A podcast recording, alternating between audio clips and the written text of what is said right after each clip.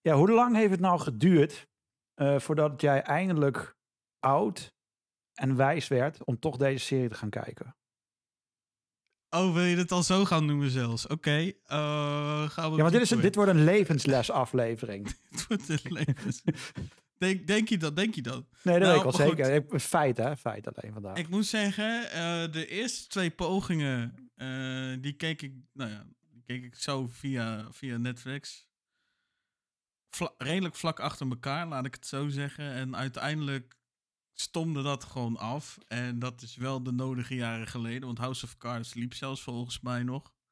Waarover we het zo meteen dan dus eh, gaan hebben. En eh, ik heb het heel lang links laten liggen. Ook nadat jij dan dus bijvoorbeeld zei van... Ja, House of Cards, House of Cards. Ga het kijken, House of Cards. Het is een van mijn favoriete series. Kijk het gewoon. Kijken, kijken. Ja, wat kijken? House of Cards. En, ik werd er op een gegeven moment wel een beetje, een beetje flauw van. Dus, ehm, en eh, niet zo heel lang geleden... eh, zegt een vriendin van mij dus in één keer van... Ja, ik heb House of Cards gekeken. Ik denk, ja, potverdorie, heeft zij het eerder gekeken dan ik. Dat kon ik eigenlijk een beetje slecht be- behappen. Kon ik, vond ik eigenlijk een beetje... Dus ik had zoiets van, nou, oké, ik geef de serie wel een poging 3 dan. Ja. En eh, door het eerste seizoen ging ik dan wel vlot, want die had ik dan al wel gezien. Eh, twee keer zelfs. En eh, toen kwam dan seizoen 2 en toen merkte ik eigenlijk dat ik ja, toch wel meer in het verhaal gezogen werd, laat ik het zo Ah, zeggen. Dus- oké. dus toen had ik zoiets van, nou ja, dan kijk ik het gewoon ook tot het bittere eind af. En dat doet, doet zij dan ook altijd. En eh, achteraf eh, zei ik natuurlijk ook tegen haar, oh, ik ben klaar met het kijken van House of Cards. En eh, dan doen we altijd samen ook, meestal dan via WhatsApp, even een kort gesprekje hoe, hoe, we- hoe we het vonden. En verrassend genoeg zijn we het vaak wel met elkaar eens. Dus dat vind ik dan wel... Ah, oké.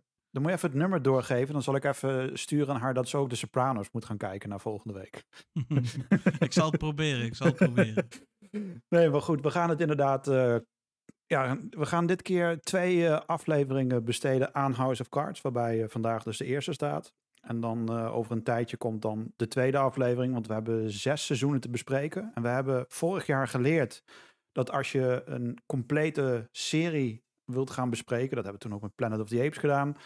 Dat dat best wel lang is om dat in één episode te proppen.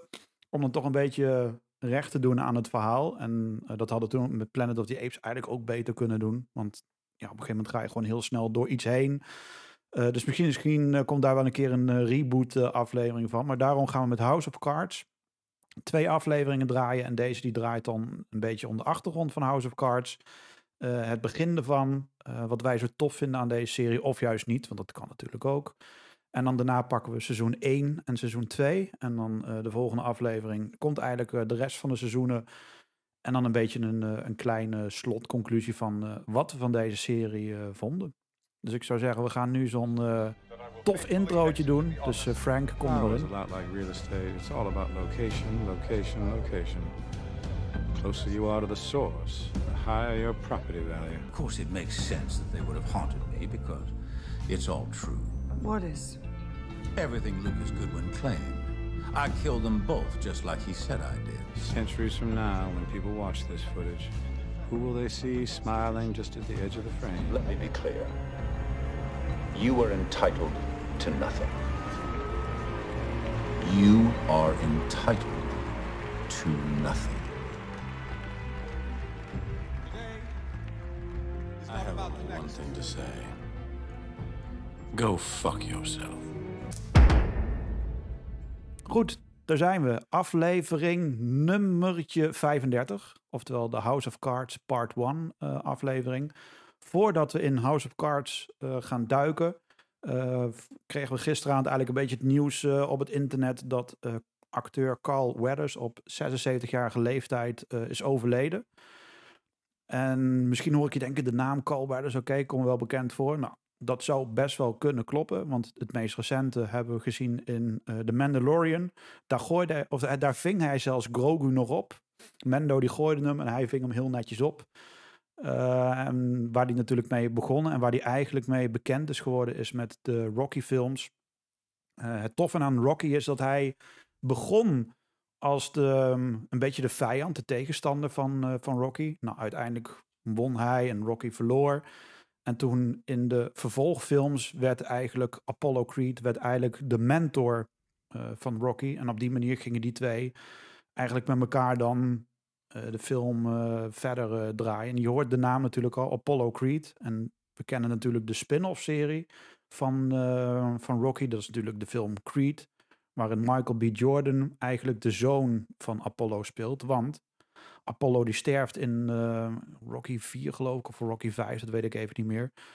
Ehm, ook best wel hard trouwens in een ring. Dan gaat hij tegenover een Rus en die Rus die komt naar hem toe en die geeft hem een dreun. En hij valt op de grond en vervolgens overlijdt zijn karakter dan. Een klein zijspoortje. Toen dat gebeurde tijdens de opnames, toen vlogen eh, de hele EHBO, die vloog het podium op, omdat ze dachten dat hij daadwerkelijk doodgeslagen werd. Omdat die klap zo ongelooflijk hard eruit zag. En toen stond hij op, nee, alles is oké. Dus het was gewoon een hele, hele goede acteur wat dat betreft. Ehm, en later kennen we hem ook uit de film eh, Predator, waarin hij samen met Schwarzenegger dan ging jagen op, eh, op de Predator. Hij heeft ook nog een eh, Chicago Law, dat is natuurlijk mijn straatje, Chicago-series. Eén seizoen gedraaid en helaas is serie gecanceld. Maar zijn manager heeft aangegeven dat hij ehm, vredig in zijn slaap ehm, ja, is overleden. Dus ik weet niet of die beste man eh, ziek was of iets eh, dat er met hem aan de hand was. Maar ja, hoe je het ook bent of is een grote eh, Hollywood-legende die helaas er niet meer is. Toffe acteur, toffe films.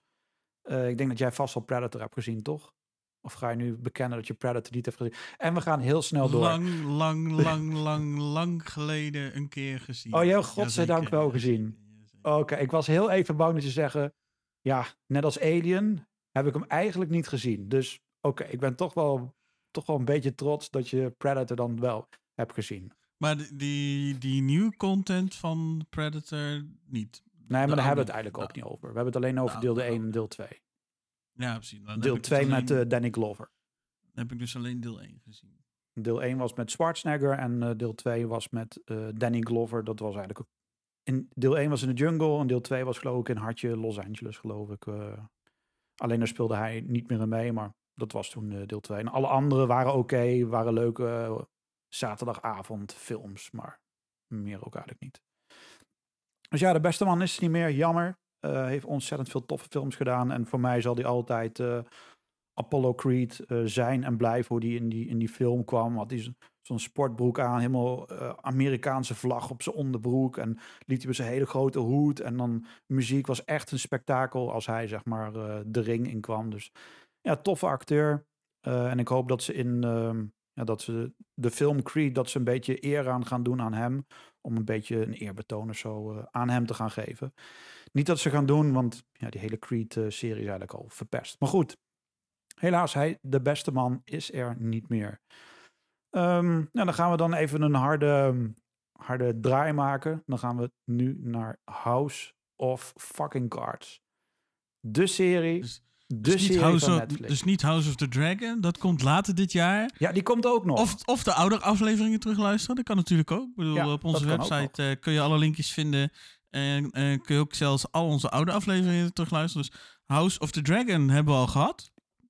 En nu komt ander huis, House of Cards. Nu komt het echte huis. Want als ik toch echt wel deze eh, met House of Dragon moet zeggen. Ja, sorry, maar dan gaat House of Dragon toch wel heel ver naar beneden. In vergelijking. Je, je kunt ze ook niet naast elkaar zetten. Je- Ja, ik, ik alleen- kan, ik kan alle- dat wel. Alleen, al- alleen qua naam kan dat. En ja, nee. Voor mij, waar ik, wat ik het topste vind om te kijken, is het House of, House of Cards. Dus dat zal altijd, eh, dat zal altijd zo blijven. En Hou- House of the Dragon gaat daar... ehm, die staat misschien wel in mijn top 5, maar die staat dan wel heel ver onder House of Cards. Ehm, nou goed, voordat we dadelijk eh, helemaal eh, los gaan, gaan we natuurlijk heel even een, een klein stukje terugkijken naar de serie. En vooral ook van, ehm, kun je House of Cards in, in een paar korte zinnen omschrijven? Is dat mogelijk? Voor mij wel, ja, zeker. Nou, ik zou zeggen, gooi hem erin.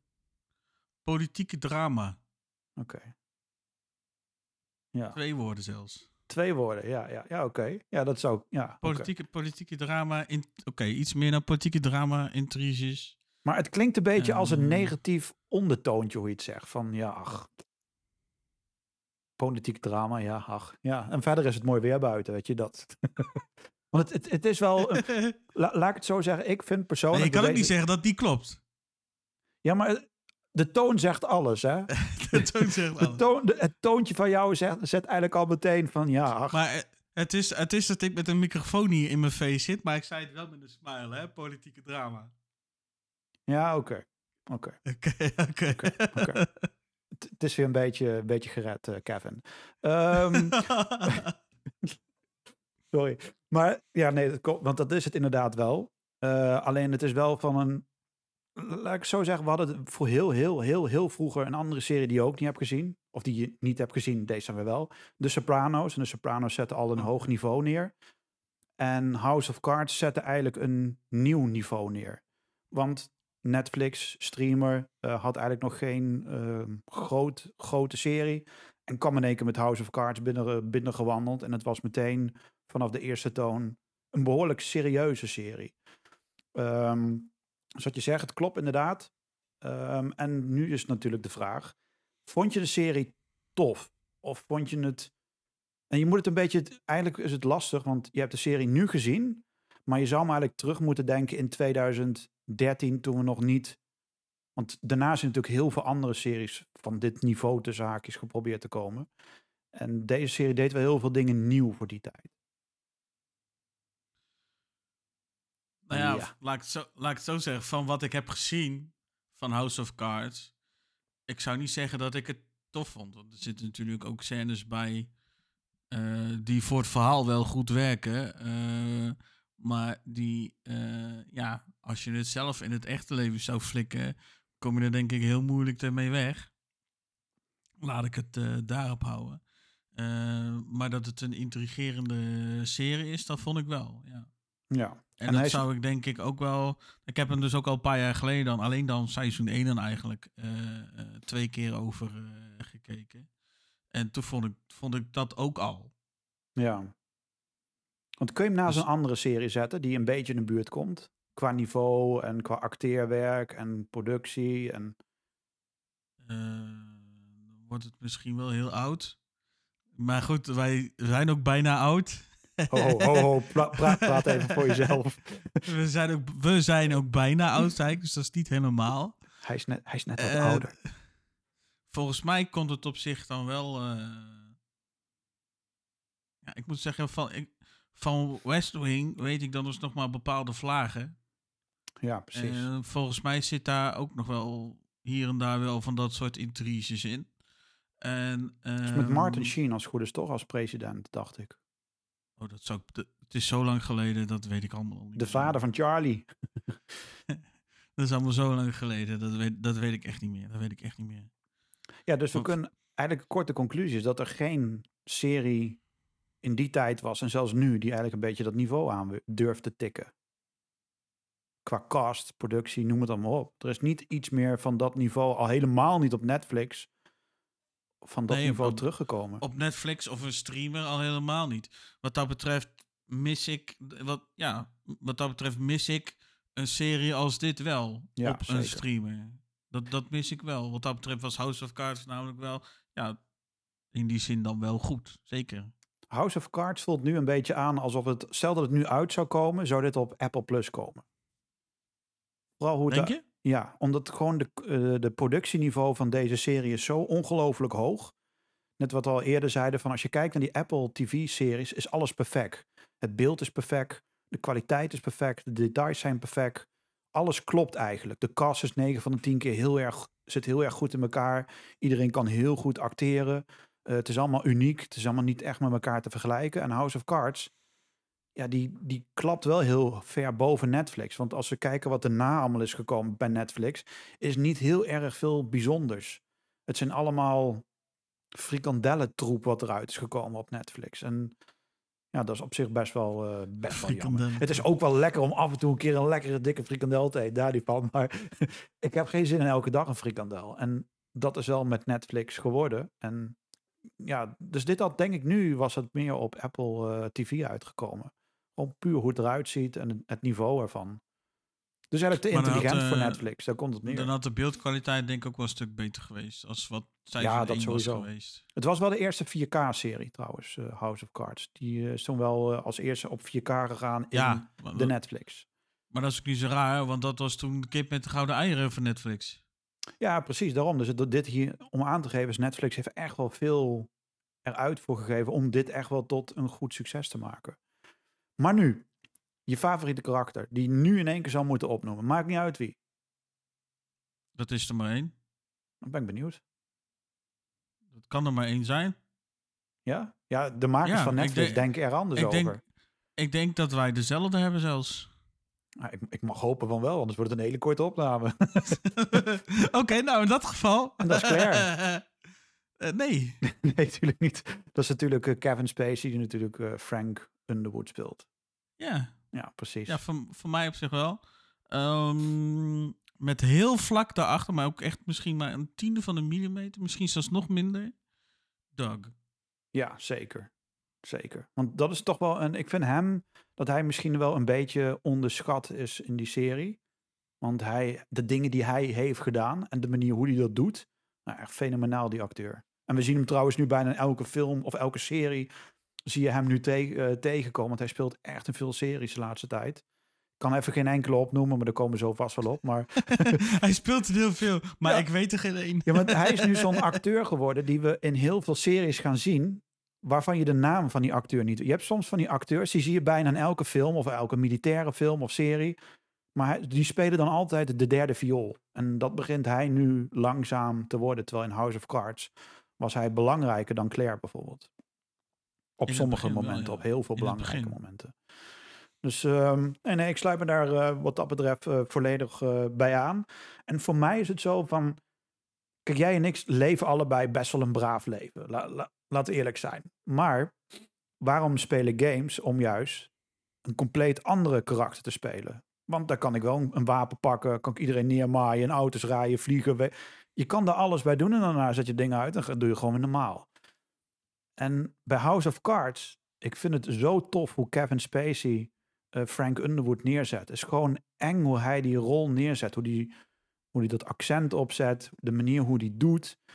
Eh, hij, hoe die eigenlijk geen, volgens mij nog geen enkel, ja één keer gebruikt hij geloof ik fysiek geweld. Maar voor de rest gebruikt hij alleen maar verbaal geweld. De hele tijd. Het is gewoon puur wanneer hij binnenkomt. Ja, ik zou door het raam eh, springen. Want man is gewoon angstaanjagend wat dat betreft. Dus ja, ik vind, ik vind hem een toffe karakter. En de hele serie heel erg tof. Eh, alleen best wel ingewikkeld. Omdat in Nederland en Amerika het politiek stelsel natuurlijk echt een wereld van verschil is. En ik in het begin echt keek van, ja, ik heb echt geen idee wat jullie allemaal bedoelen, joh. Het zal allemaal wel. De whip, wie is dat? Wie is dat? Wie is zus? Wie is zo? Wie is de speaker of dat? Ik heb geen idee wie wie is. Dus ja, ik kreeg maar paar procent mee eh, in, in seizoen eh 1. En dan later gaat het allemaal iets meer gas terug. En dan draait het alleen omdat hij president is. Maar in het begin snapte ik er echt helemaal... Is alsof je een Nolan-film zit te kijken. Je snapt er echt geen snars van waar het allemaal over gaat. Echt niet. Ik moet, ik moet wel zeggen, eh, dat stuk had ik wel wat minder. eh, maar dat komt ook omdat ik, eh, even plat gezegd, een soort van vertaalverleden heb. Laat ik het maar even zo noemen. En eh, daar werd me op, op een gegeven moment ook vrij gauw duidelijk dat het politieke stelsel en het politieke systeem eh, van Amerika toch best wel, ja, logischerwijs natuurlijk ook ontzettend anders is eh, als hier. Ja. Eh, ook met Europa erbij en weet ik het wat allemaal. dus ik wist wel een beetje hoe en wat. Dus soms dan, ja, toen, toen al in seizoen 1, als Underwood dan dus de whip is, toen had ik wel zoiets van, hmm. Duurde wel even eer het kwartje viel, zeg maar, wat Ja. het dan voor functie is. Maar uiteindelijk, ja, eh, viel het kwartje al wel vrij snel, zal ik maar zeggen. Ja, ja, precies. Ja, we- weet je wat die serie ook tof doet? En daar heb ik echt een tyfushekel aan bij de huidige series. Als er wat gebeurt, dan wordt het altijd daarna uitgelegd. Het maakt niet uit hoe, maar het wordt altijd uitgelegd. En dan denk ik van ja, dat is allemaal leuk. Maar ik wil juist bepaalde dingen gewoon... Kom maar met die serie. En dat heeft House of Cards heeft niks uitgelegd. de House of Cards legt niks uit welke rol wie wie is. Het is maar gewoon jij als kijker moet, moet dat maar gaan leren snappen. En heel af en toe draait Frank om en dan vertelt hij wel even in het kort wat kleine dingen. Maar hij gaat niet uitleggen wat de whip is. Hij gaat niet uitleggen hoe je dit doet. Ah, zo, nee. En dat gebeurt wel bij de huidige films en series. Echt altijd. Elke keer weer. En daar hebben we vaak voorbeelden over, eh, eh, over gehad. Waarin ze dan weer teruggaan en het weer uitleggen. Of daarna komt het weer. Nee, deze serie. Maar, maar dat, dat soort dingen heeft, heeft deze heeft House of Cards ook. Maar dan vooral meer qua gebeurtenissen. ja. ja. Maar ze, Ja, ze op gaan er ge- gewoon op vanuit ge- dat. Op ge- Ja, op een gegeven moment wordt natuurlijk Zoe Barnes voor de. Die is dan dood. Die zie je dan wel vallen voor de metro. Dus dan denk je in de eerste keer dat je het ziet dat ze gevallen is. Maar ze laten later dan wel zien dat het toch echt wel degelijk Francis Underwood is. Die haar op het thee plotsklaps zo voor die metro duwt. Klopt. En Alleen dat ze ze doen, het, daardoor van het bron afflikkert. ze doen het alleen niet van. We gaan nu aan de domme kijker uitleggen hoe het is gebeurd. Want dat is wat er nu gebeurt. Er gebeurt er in een film of serie. En dan denkt de maker: oh, die gasten zijn zo dom. We gaan het nu uitleggen. En dat gebeurt in deze serie totaal niet. Dat het, wat je net zei, dat klopt. Maar dat komt omdat er een onderzoek. Het is niet van, maar we gaan nu de kijker vertellen wat er is gebeurd. Omdat ze dom zijn. Dus Ja, maak- oké. Nou ja, als, eh, ik ben even de naam kwijt, maar als die Secretary of State van de trap af wordt geduwd, dan zit hij van tevoren al te zeggen van ja, nee, eh, dat zul je niet kunnen navertellen. Of, eh, op, nou, hij zegt dan wat op een bepaalde manier, wat ook best wel dreigend overkomt. Dus toen had ik daar op, op dat moment had ik ook wel eens na, eh, in de smiezen, hij gaat het met te doen. Maar dat hij er dan zo keihard vervolgens van de trap af zou duwen, dat had ik dan weer niet verwacht. precies, er zitten echt wel. Dat hij, dan ehm, weer zo, dat hij dat dan zo snel zou afhandelen tussen Ja, aanhalingstekens. En ook in het Witte Huis gewoon, weet je. Niet, niet ergens, nee, gewoon precies het Witte Huis. Dus daar zit toevallig een, een, een, een ehm, hoe trap. Ja. Ja, een trap, maar ook dat daar net de camera, een dode hoek van de camera, dat hij dat net niet kan zien. Eh, dus dat was wel tof. Maar goed, voordat we daar zijn, dus volgende aflevering. Maar goed, de serie draaide vanaf 2013 tot en met 2018. Eh, heeft zes seizoenen gedraaid. Ja, ja, we pakken die laatste seizoen er ook gewoon bij. Daar komen we gelukkig nog op terug. 73 afleveringen in totaal. Eh, en waarom maak ik elke keer de vergelijking met The Sopranos en House of Cards? Ja, dat is omdat The Sopranos destijds ervoor heeft gezorgd dat HBO HBO is geworden. Want zonder The Sopranos werd HBO, is het nooit geworden wat het nu is geworden. Niet alleen voor de show, maar ook op financieel vlak heeft het heel erg veel gedaan. En ook van, eh, als je acteurs hoort praten, is het altijd... Zonder de Sopranos waren we nergens. Eh, dat is altijd, want de Sopranos heeft het televisielandschap toen heel erg veranderd.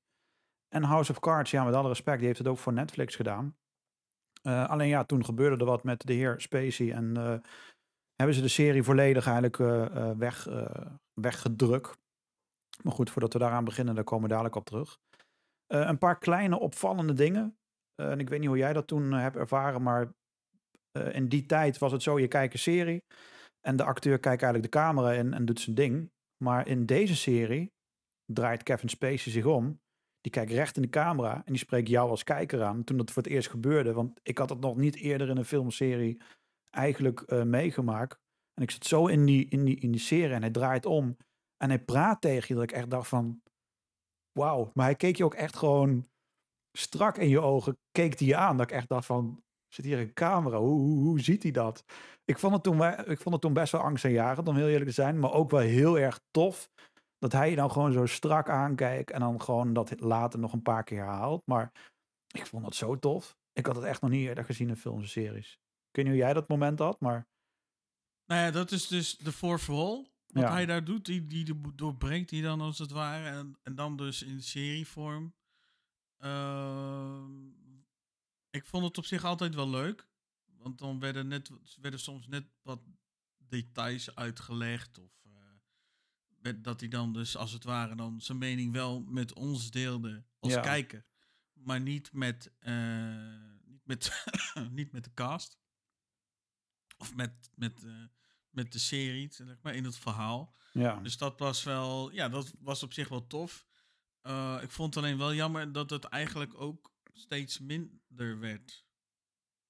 Ja, klopt. Het werd inderdaad wel wat vaak wat minder. Het, eh, het kwam minder vaak voor en ehm, het, het, het werd dan ook kwalitatief ook wel steeds minder, zeg maar. Ik vond het ook, Ja. uiteindelijk vond ik het ook gewoon niet echt meer leuk dat ze het dan deden. Ze hadden het wat dat betreft dan meer, net zoals vanuit het eerste seizoen, zeg maar, moeten houden. Dan was het tenminste leuk geweest. Maar Ja, ja. nu, ja want het, het had ook een toegevoegde van- waarde dat hij het deed. Want hij vertelde altijd wel iets, ja, wat hij dan op dat moment dacht of zo, of wat hij ging doen. En het grappige was, op sommige momenten loopt hij ook gewoon door. En dan zie je iedereen bewegen, maar al het geluid gaat weg en je hoort hem praten. En dan in één keer, hup, we gaan weer terug. En alles ging weer verder en hij sprak. Wat he- heel apart hoe dat ook ging, want hij liep gewoon door. Dus je zou denken, ja, iedereen die daar loopt, die zou hem zien. Maar het, was een, het is een heel apart momentje elke keer als hij dat doet, waar andere mensen dan bij zijn. Dat was dan wel altijd wel heel, eh, ja, vond ik wel heel apart om dat, om dat te zien. En heel tof. Ja, alsof, alsof toch, dus, ja, alsof dan de tijd in één keer stil ging staan voor Ja, de wereld dan om hem heen. En behalve voor ons, want wij konden dan wel eh, dan nog als het ware met hem praten, tussen aanhalingstekens. Als hij dan, dan natuurlijk dan tegen ons dan sprak. Maar ja, ik vind het ook een beetje jammer, want op het laatst, is misschien een beetje te vroeg om nu erover te beginnen. Maar dan zit die Claire van, ja, ik heb het altijd wel geweten dat hij dit zo met jullie deed. En eh, ik was er eigenlijk niet zo mee eens en weet ik het wat allemaal. Maar uiteindelijk, dan doet zij het nog een paar keer. Niet zo heel vaak. ja. Maar dat was toch anders om de een of andere reden. Ja, ja, precies. Klopt. Ik Maar vond, goed, het dan, ik vond het dan echt gewoon een ding wat echt dan bij die Francis Underwood als karakter hoorde. Ja, dat hoorde En- eigenlijk bij en- hem. En niet bij, niet bij een ander. Ze hebben het wel samen op één moment gedaan. Ik weet even niet meer welk seizoen dat was. Maar dat was het einde volgens mij van het seizoen. Dat ze eigenlijk allebei toen in die, in die war room zaten. En toen allebei strak in de camera keken. En toen iets zeiden van we're going to war of iets in die richting. En toen patsboom zwart beeld. Maar dat was toen voor het eerst dat Claire ook ons strak aankeek. En Frank en de keken ze ons. En toen had ik wel zoiets van oh shit, dit was cool. dus dat was best wel ja, vond ik best wel tof eh, gedaan eh, wat dat betreft. Eh, en ja, ik heb toen, toen, die, toen die serie uitkwam, toen keek ik het echt elk jaar. Want volgens mij komt in elk jaar kwam er een nieuw seizoen. En er zat nog een keer een, een, een tussenpauze tussen. Ehm, dus vaak wanneer, seizoen, wanneer het nieuwe seizoen kwam, keek ik daarvoor eigenlijk alles weer opnieuw. Eh, dus vandaar dat ik het eigenlijk heel veel in die periode heb gekeken. Ehm, wat ook tof was, zodra eh, er een sms'je op het, de telefoon kwam, dan kwam het in één keer in beeld. En Netflix heeft daar een gewoonte van gemaakt om dat in elke fucking film en serie tegenwoordig te doen. Maar ook House of Cards was een van de eerste die dat toen deed. Van hey, het sms'je, het was ook in elke taal eh, vertaald. Dus wij zagen gewoon in het Nederlands eh, dat geschreven. Vond ik ook wel tof dat ze dat hadden gedaan. Nou goed, en dan hebben we natuurlijk eh, het bekende klopje, die we dan uiteindelijk, want Frank die doet, volgens mij legt hij wel een keer in de serie uit waarom hij dat klopje doet, want hij doet het niet altijd, maar heel af en toe, ja, dan draait hij om en dan ehm, loopt hij weg en dan doet hij even gauw die klopjes. Eh, hij heeft het uitgelegd, ik moet het nog een keer opzoeken waarom hij dat deed, maar het was een soort van tik waarom hij dat deed. Ehm, en dat, dat, de, dat bekende klopje, dat wordt uiteindelijk het bekende eh, Netflix klopje. Want in seizoen 2, laatste aflevering, dan gaat hij het Witte Huis in. Gaat hij achter de tafel staan en dan klopt hij. En dan hoor je ook echt die dreun en dan gaat het beeld op zwart. Dus dat vond ik wel tof. Eh, wat ook heel erg tof is, is dat bijvoorbeeld alle bekende merken ook meedoen. Zoals bij ehm, NCIS. Daar wordt dan heel vaak wordt er vanuit kijkers op een scherm en dan zie je het nieuws. En in plaats van dat je CNN ziet, zie je staan ZNN. Maar wel dezelfde lettertype. Eh, dus je ziet gewoon het logo van CNN, maar dan met een Z. Eh, waardoor je eigenlijk, ja, je weet van oké, ze refereren aan CNN, maar het is het eigenlijk ook niet. En wat House of Cards doet, is die doet het compleet omgedraaid. Die laat bijvoorbeeld wel CNN zien, die laat wel CBS zien. En ook alle bekende koppen die daar de nieuwsankers zijn, die doen daar ook aan mee. Dus die interviewen Frank ook alsof, ja, alsof het echt is. En dat, is, dat vind ik zo tof aan, eh, aan ook deze serie, dat ze dat op die manier doen, alsof het lijkt dat het echt is in plaats van, ah, we verzinnen even een tv-netwerkje om het maar in deze serie eh, te proppen. Dus dat is tof.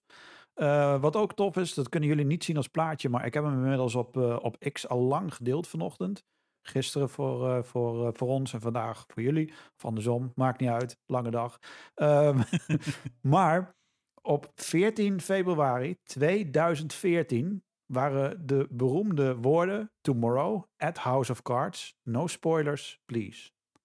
En dat werd op Twitter gegooid door Barack Obama. En dat vond ik toen zo tof. Dat de president. Die toen president ja, die was. toen president gewoon was. Gewoon House of Cards zat te kijken. En ook gewoon schreef: geen spoilers, want ik moet er nog kijken. En dat vond ik toen best wel tof. Dat, eh, want volgens mij is, het, is hij later ook nog wel een paar keer gevraagd naar die serie. Want eh, Barack Obama deed altijd, dat doet hij trouwens nog steeds, maakt het einde van, de, van het jaar, maakt hij een lijst op van zijn favoriete films en series.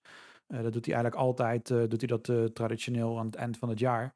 En ja, dit vond ik gewoon tof. Toen had ik zoiets van, maar fuck, dan is deze serie echt gewoon goed als een president kijkt naar een serie waar, ja, wat over een president gaan. Niet wetende dat we een paar jaar later een soort Frank Underwood in het Witte Huis kregen, genaamd Donald Trump. Eh, want ja, daarvoor was het nog wel een nette, eh, nette president. En toen kwam die halve zool kwam in één keer binnenwandelen. Dus het vond ik ook cool dat dat toen in die tijd eh, gedaan werd eh, door Barack Obama. Maar laten we een beetje door de aankomende punten een beetje heen vliegen. De bekende... Oh Nou, ja, Ik wou eigenlijk nog één, één klein dingetje toevoegen. Jij zegt op, jij zei net ook, ehm, sorry, dat het allemaal toch best wel behoorlijk echt lijkt, ook met die logo's en dat Ja. soort dingen. Eh, ook natuurlijk dan met het Witte Huis en weet ik het wat allemaal. En ook als hij dan dus eh, een speech staat te geven of wat dan ook, ook dat dingen klopt redelijk. zelfs de verkiezingen, hoe die Eh, bij die dingen, bij, bij die dingen is eh, dat hij dan achter dan zo'n desk staat om dan, dan zijn speech te geven met de persforum en zo. Als hij dan dus in die pressroom staat. Dat is niet helemaal hetzelfde. Want dat, volgens mij mag het niet helemaal hetzelfde zijn. Hier in Nederland is het trouwens ook. Hè, mag geen gelijkenis hebben Ja. Eh, met bijvoorbeeld eh, politieagent, eh, ambulance, dat soort dingen. Daarom dat het hier tegenwoordig altijd anders eruit ziet. Er zijn wel tijden geweest dat het dan wel hetzelfde mocht. En toen heeft, is dat ook veel gedaan. Alleen iets te veel. En nou ja, allerlei... eh kwamen niet veel goede dingen van, zal ik maar zeggen. Tegenwoordig is het dan... mag wel politie en, en dat soort dingen in, in bijvoorbeeld een serie of in een film. Het, het mag niet één op één hetzelfde zijn. Het moet net iets anders Ja, zijn. ja, klopt. Waardoor je, dus, waardoor je dus wel verschil zeg maar ziet. Ik denk dat dat hier ook is. Ik bedoel, ja, anders is het ook wel een beetje erg gek. Dat, ja, Frank Underwood, die is dan uiteindelijk dan wel president natuurlijk. Maar hij mag niet gezien worden als de echte president. Nee, nee, klopt. Want het, gekke is toen, eh, zeg maar, toen hij uiteindelijk dan die strijd aanging eh, tegenover eh, die anderhalve zool. Ehm, ik ben even de naam kwijt van die jongen. Van, eh, hij neemt het later, Frank neemt het later op tegen die, eh, die pers, eh, tegen die gasten die alles op social media flikkeren. En dan kwam ook, Oh ja. kwam ook CNN naar voren. En toen werd eigenlijk dat hele, die hele presidentschap werd eigenlijk op CNN uitgevochten. En oh, hoe dat eruit zag op CNN was eigenlijk precies zoals CNN een verslag doet van de echte presidentschap. Dus dat was wel heel tof dat CNN dat helemaal deed alsof het echt was. En dat vond ik wel heel erg tof. Ook met die schermen en ook met die uh, Hupplepup uh, Wolf uh, figuur met dat grijze haar, bril op. Die deed dat dan ook helemaal. Dus dat vond ik wel heel tof dat ze dat op die manier deden. Um, nou goed, dan hebben we een beetje de, voor mij de bekende, de castleden die eigenlijk altijd meteen naar voren zijn, zijn Frank natuurlijk en Francis. Want Francis is eigenlijk zijn echte naam. Maar Francis wordt eigenlijk vaak alleen maar genoemd wanneer Claire echt heel erg serieus is richting hem. En dan zegt ze Francis en dan weet hij meteen, oh shit. Het is niet, uh, niet oké. Dus het is eigenlijk altijd uh, Frank wat, hoe die wordt genoemd. En natuurlijk Claire en die we in het begin zeiden was Doc. Ik vind dat toch wel de drie karakters waar ik meteen aan denk als ik denk uh, aan House of Cards. Er zijn natuurlijk heel veel andere. Maar deze springen er toch wel eigenlijk heel snel uit. Want die zijn ook van begin tot het einde, zo goed als begin tot het einde, zijn die drie er ook altijd bij. En spelen ze in elke aflevering volgens mij ook, alle drie. Kan me geen aflevering zonder één van die drie, uh, ja, op het laatste seizoen na natuurlijk. Maar ja, dat spreekt voor zich.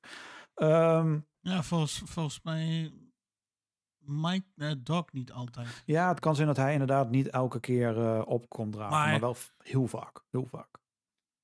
Maar in principe zijn hun drieën inderdaad wel de hoofdrol Ja. binnen de serie. En hebben alle drie ook eigenlijk een eigen verhaallijn die altijd weer losgaat en weer bij elkaar komt en weer losgaat. En ze doen eigenlijk hun eigen ding in, in, die, in deze serie. En dat vind ik ook wel tof.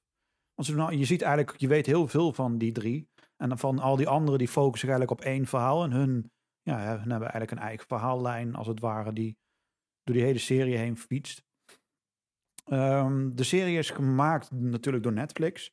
Maar voornamelijk ook door het productiehuis van eh, Kevin Spacey, de Trigger Street Productions. Eh, dus hij is eigenlijk mede eh, producent van die serie. Daarom, ik denk dat de rechten nog wel gewoon bij Netflix liggen. Eh, want anders dan had hij al lang House of Cards van Netflix afgetrokken en had hij daar zelf wat mee gedaan.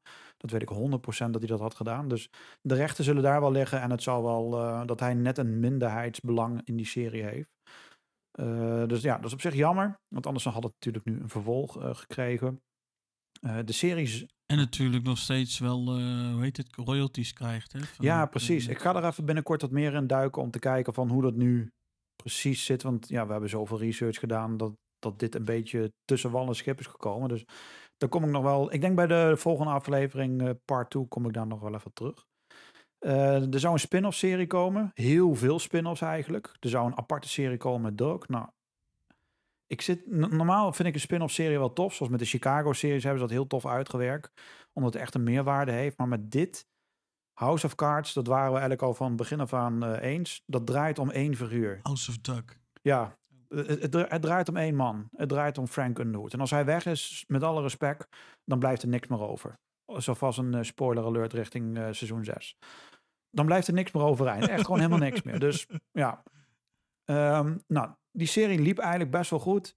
In 2017 was het echt gewoon in zijn prime. Hadden we seizoen 5 inmiddels al en iedereen had het erover. Ehm, en het was de best bekeken serie, denk ik, op, op heel Netflix en op welk platform dan ook. Want iedereen had het erover. Behalve Gert-Jan. Maar dat kwam later, dat hij wakker werd. Ehm, dus ja, die serie... Maar moet je er wel bij zeggen, concurrentie was er ook nog niet echt hè, voor Netflix.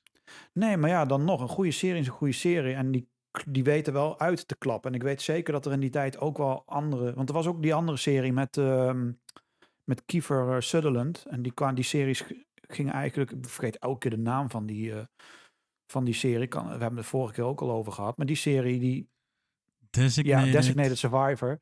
Ehm, en die, die, ja, die gingen eigenlijk elkaar de hele Dus eerst House of Cards en dan had je Designated Survivor, House of Cards. En dat ging de hele tijd om en om. Eh, dus op die manier hadden we eigenlijk een beetje van die politieke series. Maar daarna, ja, verder hadden we niet heel erg veel. Maar ook niet qua niveau, noem het allemaal maar op. Maar in eh, precies 29 oktober 2017 kwam de heer Anthony Rapp, die in de Star Trek Netflix-serie, want we hadden House of Cards en in 2017 kwam uiteindelijk ook de nieuwe Star Trek-serie op Netflix. was eigenlijk een soort van vervolg, reboot, weet ik veel. Ik heb een paar keer naar gekeken, maar ik vond jammer nog niks. Eh, en die twee series liepen eigenlijk een beetje door elkaar heen. Star Trek deed het niet heel erg goed, eh, wat ik zo eh, had gezien. En toen kwam Anthony Rapp met het verhaal eh, in een interview dat in 1986, waarbij hij 14 was en Kevin Spacey 26 was, dat Kevin Spacey in een dronken bui hem seksueel benaderd zou hebben. Nou, en daar kan ik heel kort over zijn. Dat is natuurlijk niet oké. Heel simpel. Maakt niet uit wie je bent. Dit is niet het is gewoon niet oké. Dus weet je, hoe dan ook, is niet goed. Praat ik ook totaal niet goed.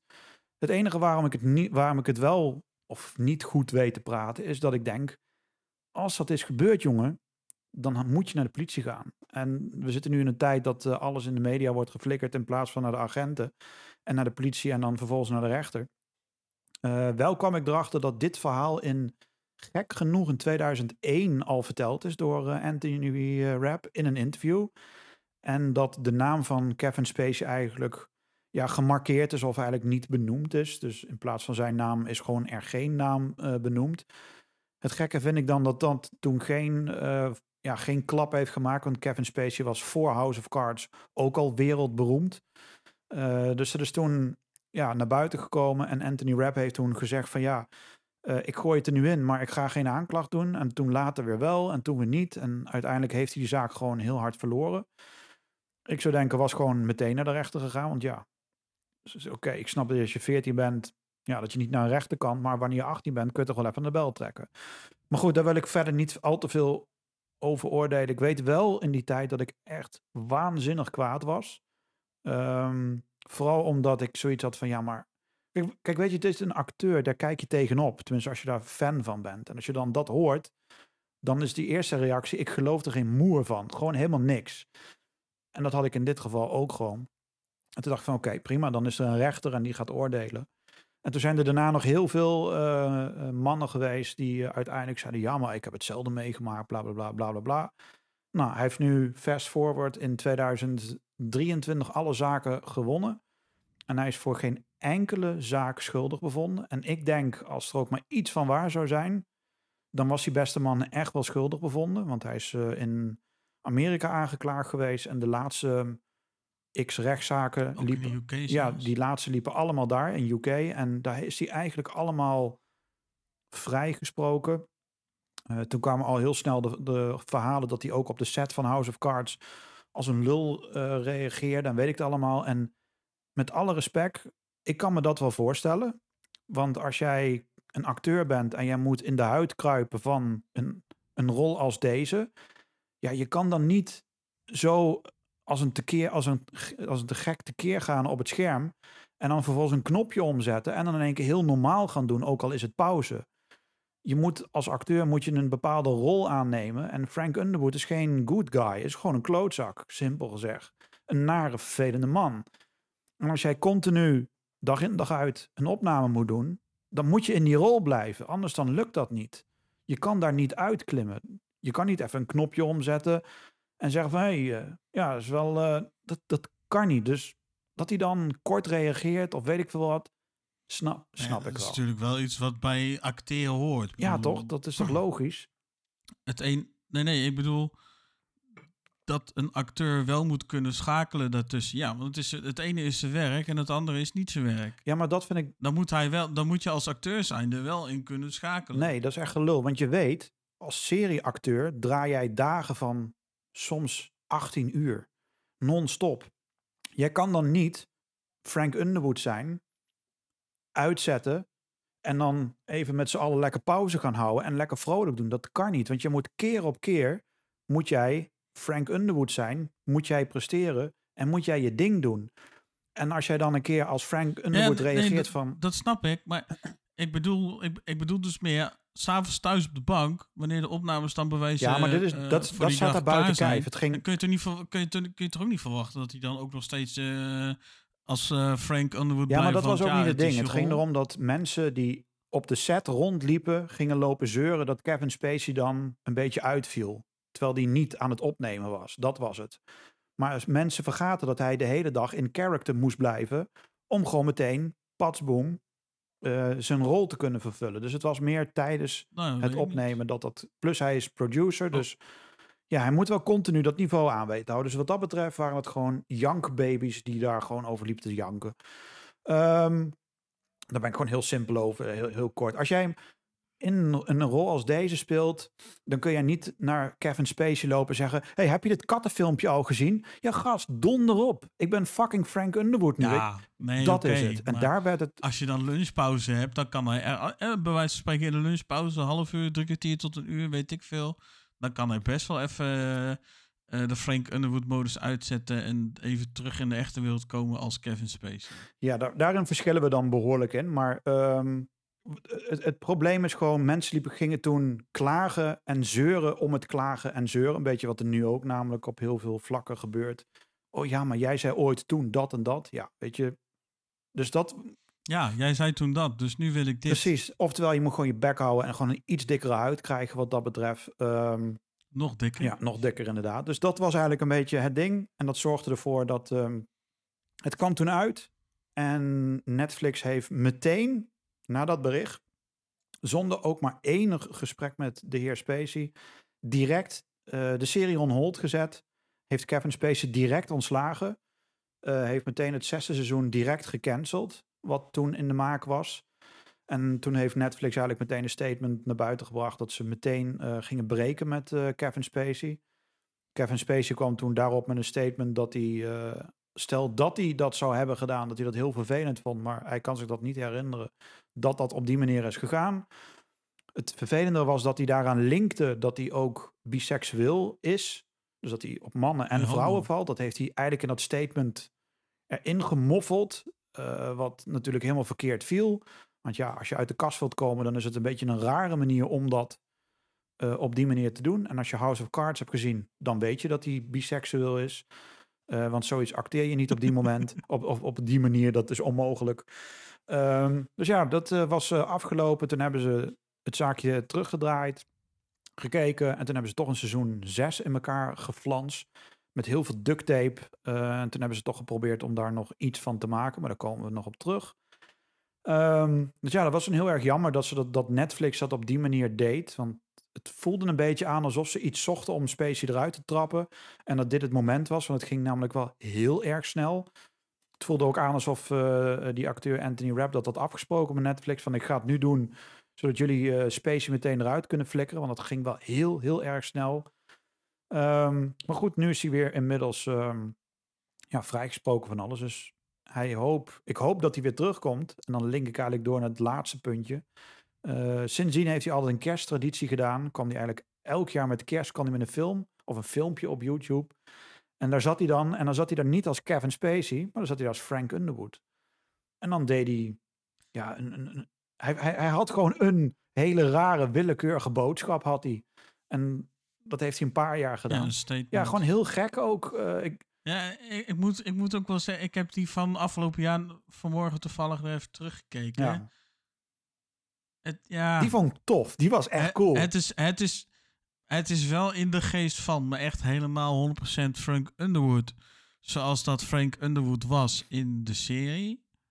Dat is het ook niet. Ja, hij, zat, hij, was, hij zat milder. En het, het, het rare is, want eigenlijk is Frank Underwood dood.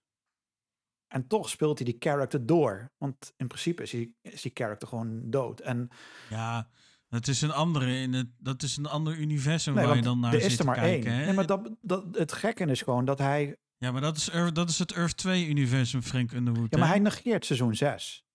Hij negeert ge- ne- seizoen 6 of het er niet is geweest. Want hij geeft in de laatste interview... haalt hij ook gewoon uit een paar keer naar Netflix. En dat doet hij in dat filmpje net zo goed. Ja, maar dat bedoel ik. In dat filmpje haalt hij behoorlijk hard uit naar Netflix. En hij doet eigenlijk alsof hij gewoon weer Frank Underwood is. En dat hij ook, want ze praten over de aankomende verkiezingen. Maar hij noemt Trump niet, hij noemt Biden niet. Maar je weet wel, hij gaat het opnemen tegen die twee. Dus dat is heel, ja, heel apart. Eh, ja, dat ze- het is een beetje eh, apart. en ook ja. al lang, want deze was, ik geloof, van acht minuten of zo. En die daarvoor waren twee, drie minuutjes of zo. En hij heeft ook eentje in de keuken, was hij vrij bol. Zag hij er best wel slecht uit ook. Zat hij in de keuken, een schort aan. En dan was hij rustig iets aan het... Had hij ook weer een verhaal. Had hij natuurlijk weer die, die, eh, die ring had hij natuurlijk weer om. Dus heel gek, heel apart dat hij dat deed. En toen dat de eerste keer gebeurde, had iedereen zoiets van... What the fuck? Want hij was maanden stil en in één keer komt hij met een willekeurig filmpje als Frank Underwood over een willekeurig onderwerp.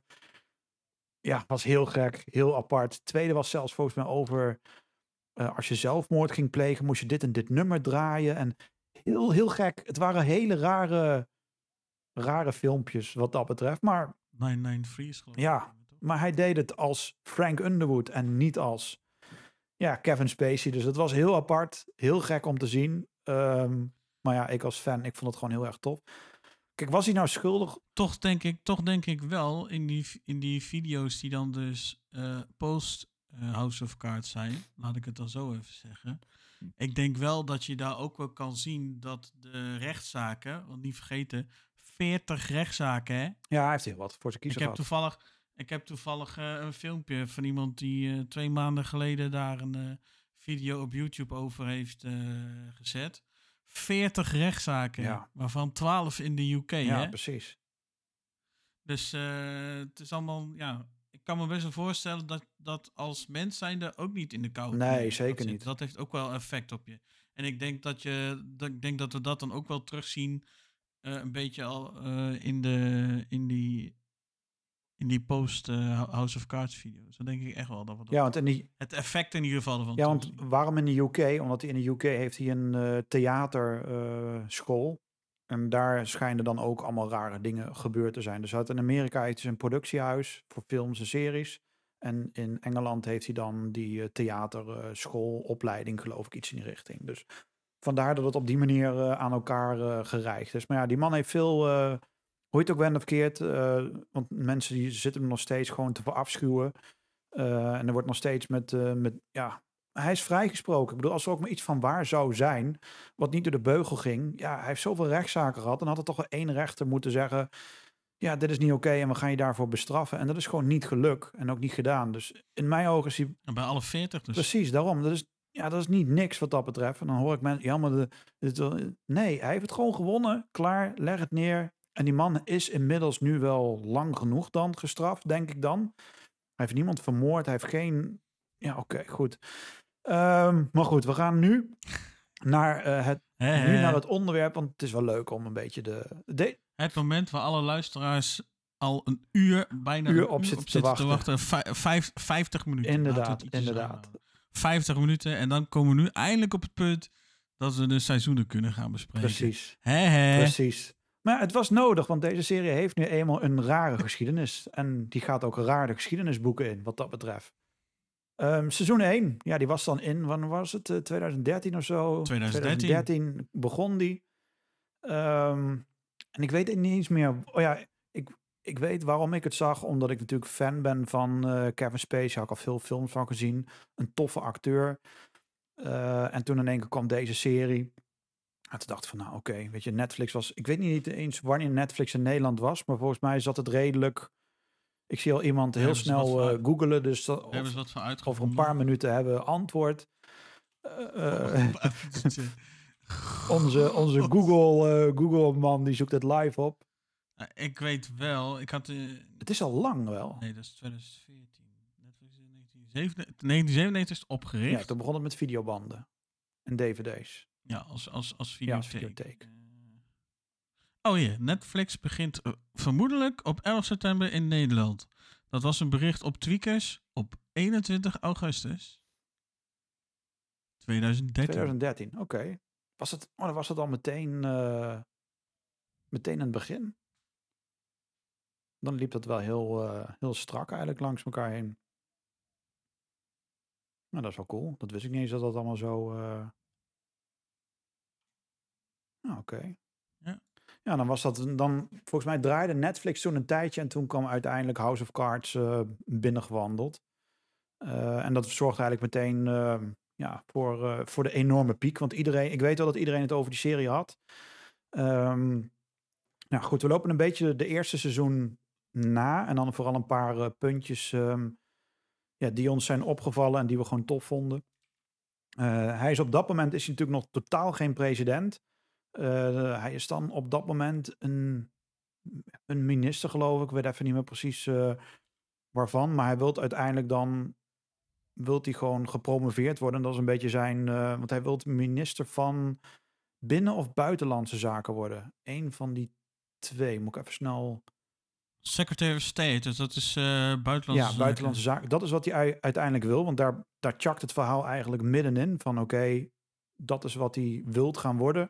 En het wordt hem eigenlijk ontnomen. En dan zegt hij ook van ja, maar godverdomme, dit, dit is al vastgelegd. Ik heb moeite gedaan voor jullie om uiteindelijk ervoor te zorgen dat waar jullie nu zitten, dat dat ook gebeurt. Dat komt door mij. Zonder mij waren jullie er nergens. Dus iedereen is eigenlijk gepromoveerd eh, door hem, mede door hem. En iedereen heeft hem juist aan de kant gezet. En daardoor begint eigenlijk dat hele House of Cards spel. Want dat is het uiteindelijk gewoon. Want hij is dan natuurlijk... Ja, een, normaal persoon die zou dan zoiets hebben van... oh, Oké, ja, shit. Maar deze man die zit dan vol haat en heeft dan één doel. Oké, prima. Als jullie dat willen, dan ga ik voor de presidentschap. Alleen het toffe eraan is, is dat dat niet door hem op die manier verteld wordt in de serie. Het is niet dat hij dan zegt tegen maar nu ga ik gewoon president worden. Dat gaat langzaam, nadat het seizoen vordert, merk je van, ah shit, maar dit is wat je gaat doen. Hij neemt wraak op ja, eigenlijk iedereen die die dan eh, eigenlijk in het zadel heeft geholpen, om die er dan weer keihard uit te trappen. Eh, en de eerste aflevering begint eigenlijk al, daar zet hij al de toon. Want je hoort een klap, je hoort een hond janken. Hij loopt naar buiten en hij kijkt naar beneden. Is het in de eerste Ja, aflevering? is de eerste aflevering, eerste paar minuten is het al. Ik dacht dat het later was. Nee, is echt meteen al, eh, meteen al in het begin. En dan, eh, want dan zet hij meteen de toon van, ja, dan loopt hij naar die hond toe en dan zegt hij eigenlijk al van, ah, die gaat het niet overleven. En dan, eh, dan pakt hij eigenlijk die hond al vast. Je ziet die hond niet, maar je hoort natuurlijk die hond wel. En dan houdt hij eigenlijk gewoon de bek en de neus dicht. En dan laat hij eigenlijk die hond, die stikt hij dan als het ware. En dan is de hond overleden en dan komt eh, zijn beveiliging komt er al aan en dan eh, dit en dat. En zegt ja, we gaan wel kijken wie, eh, wie dat was.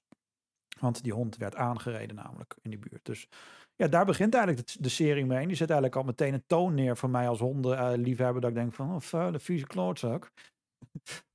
Jij voor een lul, dus daar, ja, daar wordt eigenlijk al meteen ja, de toon mee gezet. En ik, wat vond jij van hem toen je hem voor het eerst zag? Vond jij hem een, een aardige kerel? Of had je al meteen zoiets van, gadverdamme, een nare gast is het eigenlijk? Eh, toen ik hem de allereerste keer zag, zat ik er natuurlijk open in. Want je weet het niet. Ja. Maar hoe kwam die over op je? Dat je echt En- dacht van, nou, Ja, wel statig natuurlijk. Maar niet dat het dan zo'n botte hork zou zijn als wat hij dan dus uiteindelijk wordt. ja, ja, precies. En natuurlijk, doordat ik dan seizoen 1 meerdere keren heb gezien, dan weet je natuurlijk wel van, nou ja, dus dan zwakt het wel iets af, laat ik het zo Ja. zeggen. Dus toen ik dan voor de derde keer seizoen 1 aan het kijken was, toen had ik wel zoiets van, nou ja, dan heb je hem weer. Even plat gezegd. Ja, Maar dat is ook, ja, je toch enigszins in het achterhoofd hou je, eh, hou je toch nog wel vast op de een of andere manier welke dingen dan dus gebeuren. ja, precies. En ehm, ja, ja, of ik onthoud misschien dingen goed, dat kan natuurlijk ook, dat weet ik niet. Maar ik kan wel eens iets, oh dan gebeurt dit of dat of zo, zo dan komt zo meteen, komt dan later. kom- het was er niet misschien in de, op de seconde nauwkeurig, zeg maar, maar ik had dan wel zoiets van, oh dan komt nou eh, Pietje, of komt zo meteen Pietje in beeld, of dan komt dan, eh, dan komt dan de, de, de relatie met, eh, met Zoe Barnes, die komt dan los Ja, want, dat, dat, soort, dat soort dingen kwamen dan wel bij mij naar boven. Maar niet, niet ja, misschien niet op de aflevering, op de seconden ook. Maar ik had wel oh, deze dingen gaan. Dus ja, dat zijn er wel dingen die je dan onthoudt. Dus dan weet je ook wel hoe, ja, dat Frank dan dus zo'n botte hork kan zijn af en toe. ja, ja, precies. En zoals ik, had eigenlijk met, met Claire had ik meteen, en doet die actrice doet dat echt hartstikke goed. Ik had meteen vanaf het eerste seconde had ik een ongelofelijke hekel aan haar. Hoe ze, hoe ze overkwam en ik vond het geen fijne vrouw om naar te luisteren, naar te kijken. Ze was, en dat, dat is helemaal niks richting die actrice hoor, want ze doet het echt waanzinnig goed. Eh, ze speelde ook eh, in, ehm, in Forrest Gump speelde zij Jenny, waar uiteindelijk Forrest Gump eh, verliefd op werd en dan ook een kind mee kreeg. Dus het was dat ik dacht van, is zij dat? Van Forrest Gump? Is dat Jenny? En ik meteen natuurlijk in de Gert-Jan-modus, namelijk naar Google. En ging zoeken en ik, ja hoor, dat is ze. En ze speelt hier zo'n andere, andere rol. En ze is totaal, totaal geen prettige persoon. En kijk, Frank is dat natuurlijk ook niet. Maar zij heeft dan net iets meer een, een gehaaide ding over de heen. En ik denk van, flikker op man. Maar ze doet het wel heel, heel erg goed. Eh, en die twee onderling... eh, ik had in mijn notitie had ik eigenlijk geschreven dat het best wel een ziekelijke relatie is die die twee hebben. Want ik vraag nog steeds op de dag van vandaag af waarom hun in godsnaam met elkaar getrouwd zijn. Eh, want ja, hun hebben eigenlijk niks met elkaar. Hun houden niet van elkaar. hun willen niks qua kinderen. Willen daar het, het is alleen maar puur dat de ene de ander gebruikt om verder te komen. En bij Claire is het, zij Ja. heeft een bedrijfje. En Een stichting. een stichting, wat uiteindelijk wel een bedrijf is, want ze verdienen waanzinnig veel geld mee op de achtergrond. Maar ze gebruikt dan de contacten van Frank om dan weer een grotere deal binnen te halen. En dan vooral om dan weer belangrijker. Want Ja, om fondsen te... ja, precies. En het toffe eraan is, en volgens mij is dat met Claire is het zo dat zij eigenlijk liever geld ziet. Komt het bij mij over. Maar bij Frank is het vooral andersom. Hij hoeft geen geld. Want dat zegt hij op een gegeven moment ook in een aflevering. Met geld kun je niks. Macht, dat is wat moeten hebben. En daar draait het om. Zodra je macht hebt, dan heb je geen ene dollar nodig. Daar komt het dan kort op neer. En dat maakt hij eigenlijk vrijwel heel snel duidelijk. Want eh, Remy komt op een gegeven moment naar hem toe. En dan eh, gaat Remy daar zitten. En die is dan overgestapt naar een groot advocatenkantoor. En dan, ja, en dan gaat hij weg. En dan Oh ja, de, maakt zo'n kerel de opmerking, oh, die verdient veel en veel meer dan ons. En dan zegt Frank dus uiteindelijk tegen ons, geld is niet belangrijk. Macht, daar draait het om. Heb je de macht, dan heb je geen enkele dollar nodig. Eh, en daar draait het eigenlijk dan om met die twee. Het, het draait er gewoon om van, oké, we hebben meer macht nodig. En hoe krijgen we meer macht? Ja, als jij macht wilt hebben, dan moet je naar het Witte Huis. En als je dan nog meer macht wilt hebben, dan moet je de president worden van dat land. Tenminste, dat zou je denken. Maar wat tof is aan deze serie, is dat je langzaam ziet dat een president in feite geen ene klap te zeggen heeft. En dat het juist de mensen op de achtergrond zijn. Vooral in seizoen 2 zien we dat met eh, Raymond Tusk. Wie er eigenlijk voor het zeggen zou hebben in dat land. En een president is eigenlijk alleen maar een poppetje. Alleen Frank, die is zo ongelooflijk geparkeerd dat hij natuurlijk wel die hoogste ambt wilt hebben. En dat natuurlijk wel als een machtsmiddel wilt gebruiken. Want laten we eerlijk zijn, als je de president bent van het land, dan kun je alles maken en breken. Dat is zijn, zijn doel. En dan wat je, wat je net al zei van, eh, ja, Zoe Barnes komt dan in één keer eh, naar voren. Wat een heel onschuldig eh, meisje lijkt te zijn, maar toch niet zo heel erg onschuldig uiteindelijk is. Want ze is alles behalve onschuldig, want ze gebruikt letterlijk haar lichaam om een verhaaltje te krijgen. ja. en- Ik weet, ik weet nog wel in die tijd dat dat best wel expliciet was voor een serie. Want ik had niet verwacht dat.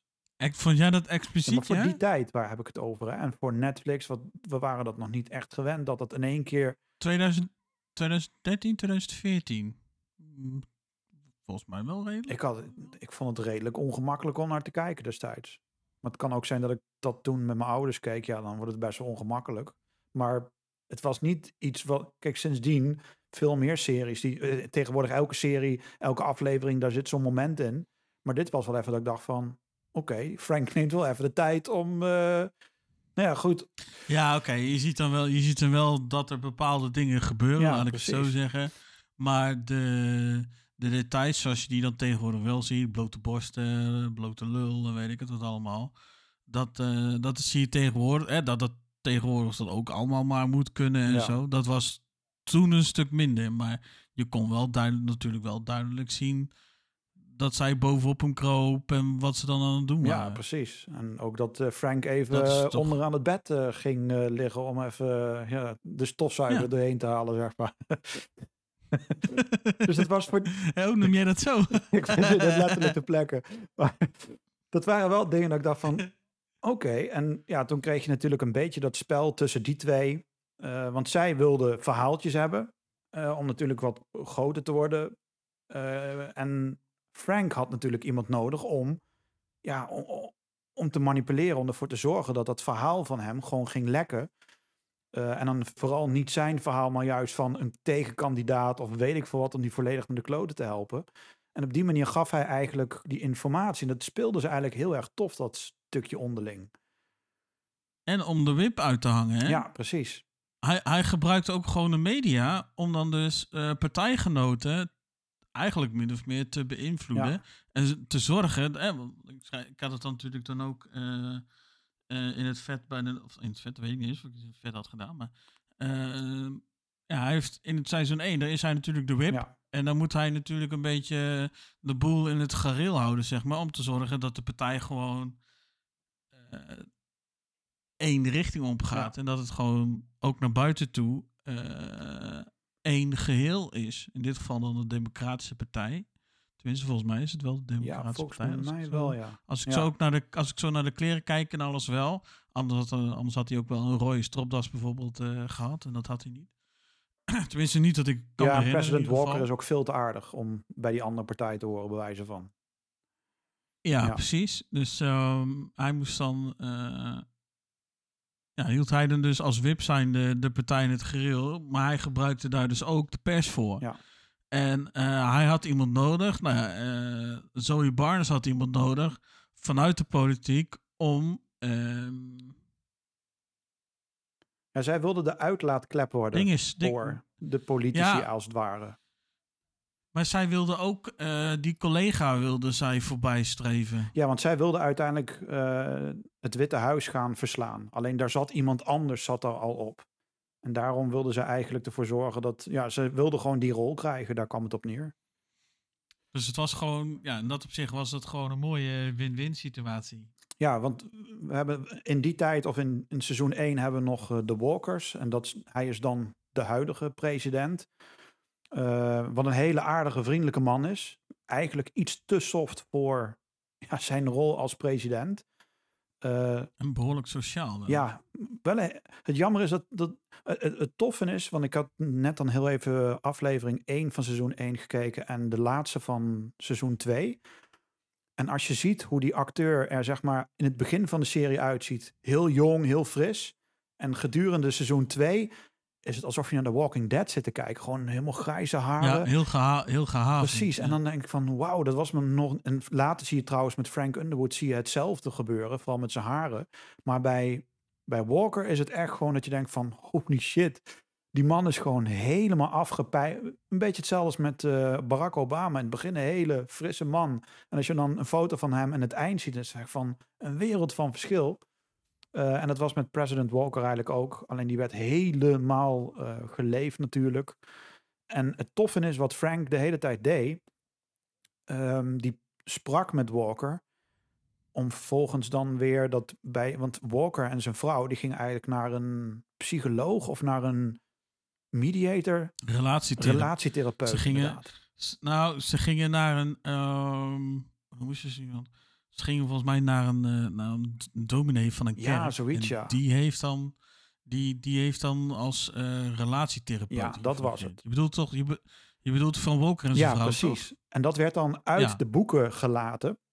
Of dat werd in de boeken op een andere manier omschreven, want niemand mocht dat weten. En toen heeft Frank daar uiteindelijk een draai aan gegeven, waardoor het wel was uitgelekt.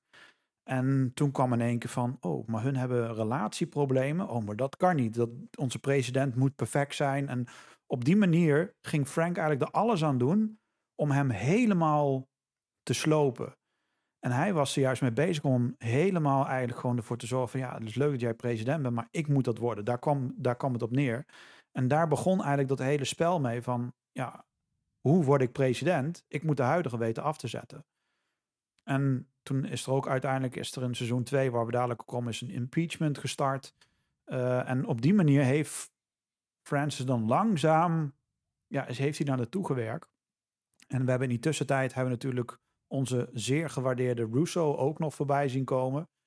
Eh, wat eigenlijk een, ja, een simpel sena eh, senatoortje was, of gouverneur. Ik weet niet wat hij precies was. Of hij nou een senator was. Gouverneur. Governor, ja. Gouverneur. En dan zat hij eigenlijk, een, toevallig was hij in de eerste aflevering, zat hij er heel trots. En dan zat daar iemand tegenover hem van, ja, maar wanneer ga je nu werken? Want wij hebben jou 50.000 dollar gegeven en je moet nu. En had hij dan afgesproken met die secretaresse van, bel me zo op. Dus hij pakt de telefoon op en dan neemt, oh, oh, oh ja, nee, stuur eh, president Walker maar door. En dan deed hij alsof hij, hij met de president aan de lijn zat. En die man daar tegenover ging helemaal netjes zitten, deed zijn pak netjes van, oh fuck, hij heeft de president aan de lijn. En dan gingen ze naar die andere kamer en dan zat zij. En die zat even te vertellen wat zij met hem vanavond ging doen. Daar kwam het op neer. En dan hou ik het even daarbij. Dus hij zat heel serieus. ja, meneer de president. En zij zat echt de wildste verhalen te vertellen. En toen hing hij op en toen deed hij alsof hij gewoon de president had gesproken. En toen was het, eh, werd het gesprek om. En toen zei hij van, eh, maar hoe is eh, president Walker in het echt? Dus hij had daarmee ervoor gezorgd dat hij gewoon weer niet hoefde te doen wat hij moest doen. Want hij had iets beloofd en het ging geloof ik om een heel groot bouwproject eh, waar hij geld voor had gekregen, wat opgezet moest worden. En er zouden heel veel banen mee gemoeid gaan. En uiteindelijk is dat hele project naar de kloten gegaan. Zijn al die mensen ontslagen en noem het allemaal maar op. En het toffe was, toen kwam eigenlijk dat, dat momentje tussen Frank en tussen hem. Eh, uiteindelijk ging eh, Russo, die ging lekker rondrijden. Maar die had natuurlijk een dame van lichte zeden in zijn auto en die werd aangehouden. Moest een blaastest doen, had geloof ik zijn rijbewijs of iets niet bij zich. En zei, ja, maar ik moet gewoon doorrijden, want ik werk bla bla bla en dit en dat. En die agent maakte het moeilijk. En toen heeft Francis heeft dat weggeweten te moffelen, dat dat niet een ding werd. En toen liep eh, Francis heel relaxed naar hem toe van... ehm, Samen met Doc. Samen met Doug, die zaten daar volledig achter. Dus het was echt gewoon een heel slim 1-2'tje om, om hem eigenlijk af te maken. En ervoor te zorgen dat Russo ging doen wat hij wilde.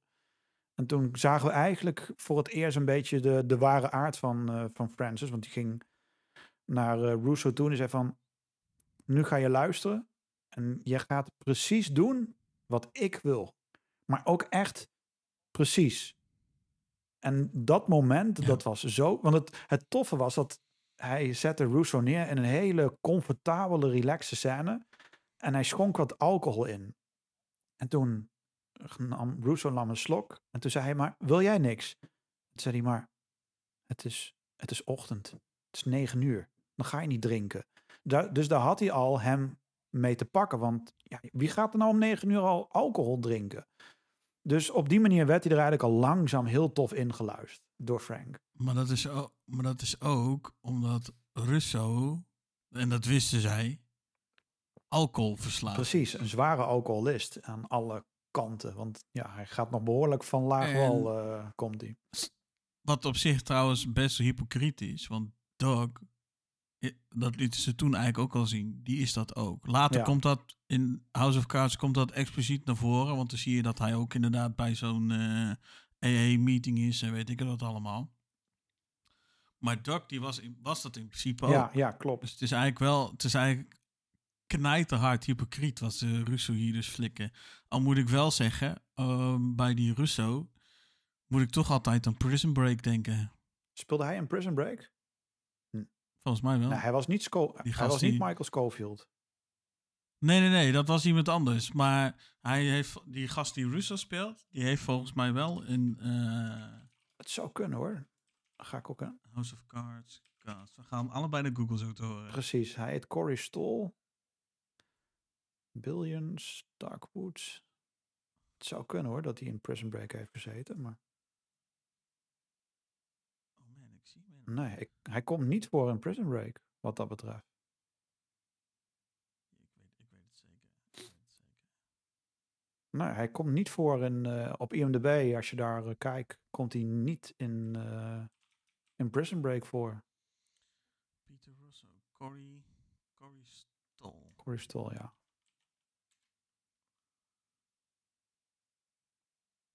Spannende podcast eh, is dit. We verliezen op dit moment alle luisteraars. Die, die, die, die ene die luistert denkt van... Ja, dag. Ik weet het vrij zeker. Ja, maar hij zit, denk, hij zit er echt niet in. Prison Break of misschien seizoen 6. Misschien in de nieuwe Prison Break, dat hij daarin zat dan. Nee, ik heb ook zijn IMDb-pagina. Het duurde even. Ik had in ieder geval dat zijn kop me heel bekend voorkwam. En dat was niet omdat hij ook in die, in die gare Rebel Moon speelt. Nee, want die kwam ook... Nee, precies. Nee, maar die had ik, ik had die film wel gezien voordat ik met House of Cards bezig ging. Dus. Oh, West Side Story. Nou, lang verhaal kort. Hij zit niet in Prison Break. Dus ehm, ja, soms... eh, nee, hij zat er in ieder geval niet in. Soms, soms, soms dan pis ik ernaast. Ja. Nee, dus hij zat daar niet in. Ehm, we hebben het vaak over Doug. Doug. Doug. Hoe, hoe spreek je zijn naam eigenlijk? Ik vind eigenlijk een rotnaam uit. Doug. Ja. We, we hebben het veel over hem en er moet veel over hem gezegd worden. Want kijk, Frank, Ja. Frank Underwood is een, een evil bad guy. Maar hij maakt zijn handen niet vuil. Tenminste, eh, op sommige momenten wel. Maar hij laat eigenlijk het vuile werk laat hij altijd door Doug opknappen. Altijd. En hij is eigenlijk het slaafje van Frank Underwood. Want hij leeft voor Frank Underwood. Hij heeft geen privéleven. Hij heeft geen sociaal leven. Hij staat 24-7 klaar voor hem. En als Frank Underwood naar hem toe gaat en zegt: Jij legt die en die en die om, dan doet hij dat. En hij doet dat zonder enige twijfel. Hij staat er altijd voor hem en hij doet wat hij moet doen. Eh, later wordt hij wel echt als een hond behandeld en wordt hij echt gewoon weggetrapt. En dan ja, komt hij er eigenlijk achter dat hij geen flikker voor Frank Underwood voorstelt. Maar ja, dan toch blijft hij trouw aan hem. Wat dat betreft is hij echt een, een hond. Die kun je schoppen waar je wilt, maar die komt altijd weer terug. Hoe raar dat ook altijd is. Maar dat is bij hem precies hetzelfde. En ja, ik vind hem wel echt gewoon... Maar hij is ook gewoon een, een echte angstaanjagende man. Want als hij echt tegen jou tekeer gaat, Deep Dog... dan heb je ook zoiets van... Fuck, die gast krijgt wel veel voor elkaar, hoor. Ja, dat, dat zie je bijvoorbeeld, dat zie je toch ook goed wanneer hij dan dus, eh, hoe heet het, met hoe heet het bezig, met die Rachel, Met bezig ja. is. Ja.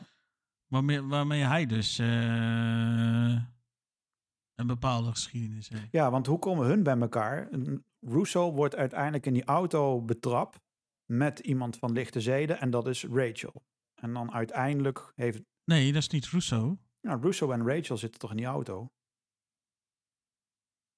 Is dat Rachel? Volgens Zo niet. komen ik dacht, hun in- dacht dat Zo Rachel, komen hun in contact. ik dacht dat, ik dacht dat eh, Doug en Rachel, dat die ook een bepaald ding hadden. ja, door, daardoor. zo, dat hij daardoor zo voor de zorgt.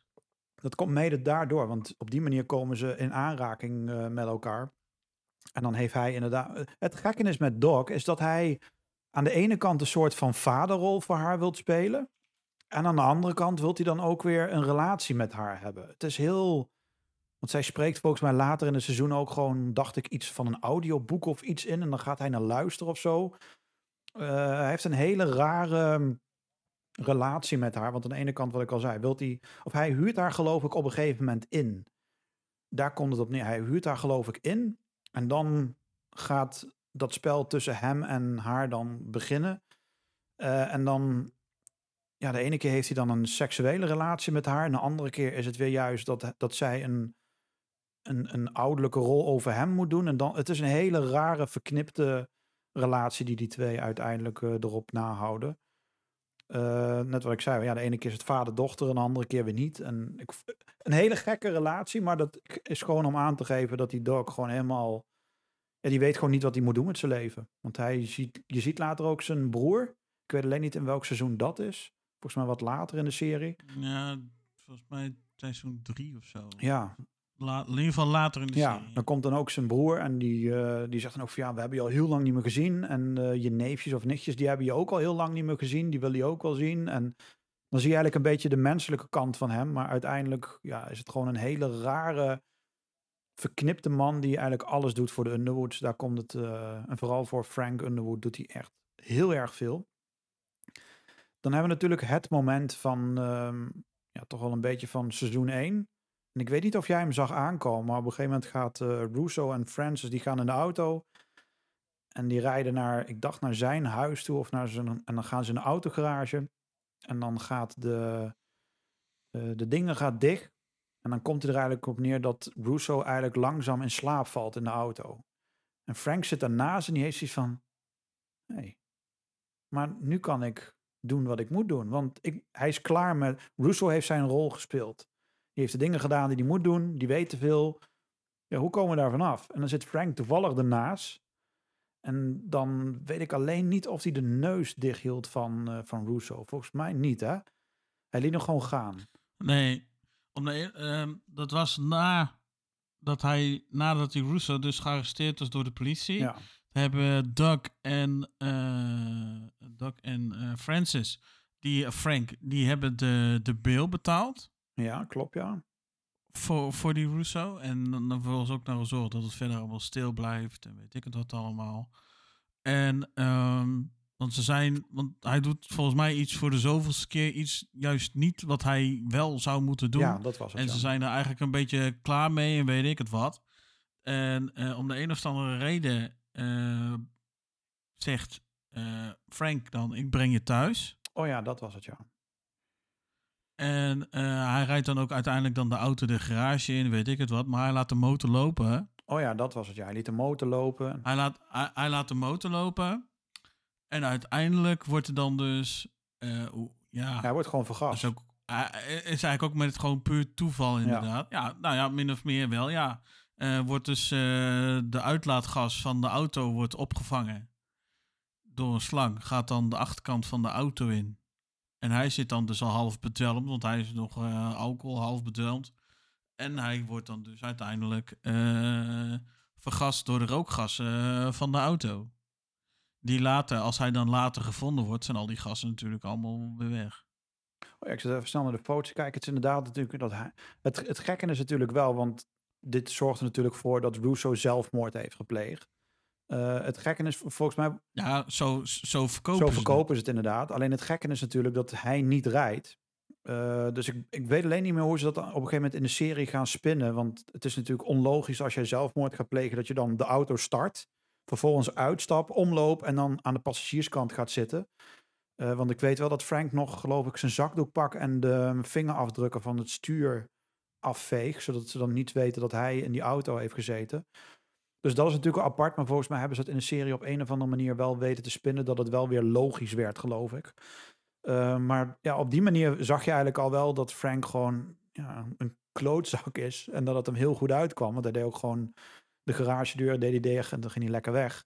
Want hij wist gewoon van ja, die Russo is inderdaad ingeslapen. En um, volgens mij moesten die Russo ophalen bij de gevangenis of zo. Of iets op het politiebureau. Nou ja, ze hadden hem ja. opgehaald bij het politiebureau. Ja, dat was het, ja. En ze, en ze hadden die beel betaald. Ja. Dus uh, noemen ze dat? Ja, dat was het inderdaad, uh, ja. Oh, hij had volgens mij had hij het weten te spinnen dat hij dat. Nou, ik, ik weet niet meer precies hoe het ging, maar hij, er was wel een verklaring. Dat was volgens mij, want uiteindelijk, waar het op neerkomt, helemaal aan het langzaam tegen het einde, dat al die kleine foutjes die Francis maakt, dat die wel langzaam naar boven komen drijven. Uh, want wanneer het gebeurt met Zoe, dan worden er natuurlijk journalisten wakker en die gaan meer dingen controleren. En op die manier worden dan alle dingen waar Frank bij betrokken is en ook dit, wordt dan langzaam erbij gehaald van, we kunnen niet hard maken, maar iets klopt het niet. En ook met dit, het klopt niet, hij is daar geweest, hij heeft die Russo eruit gehaald, maar wat doet hij daar? Het was wel, want niemand van de pers gaf eigenlijk aandacht aan Frank. Niemand, want hij was maar gewoon een minister en hij deed gewoon zijn ding. Nee, hij was toen toch de whip nog? Ja, maar het was niet dat daar de focus continu op lag. Het was gewoon echt de walkers die waren in de, in de schijnwerpers. En eigenlijk Ja. hij was een beetje... Niemand wist wat hij op de achtergrond eigenlijk deed en wie die was en hoe, hoe belangrijk die man eigenlijk wel niet was. Daar kwam het dan een beetje op neer, totdat ze dus zoiets hadden van... Er gebeuren nu wel heel erg veel gekke dingen met hem.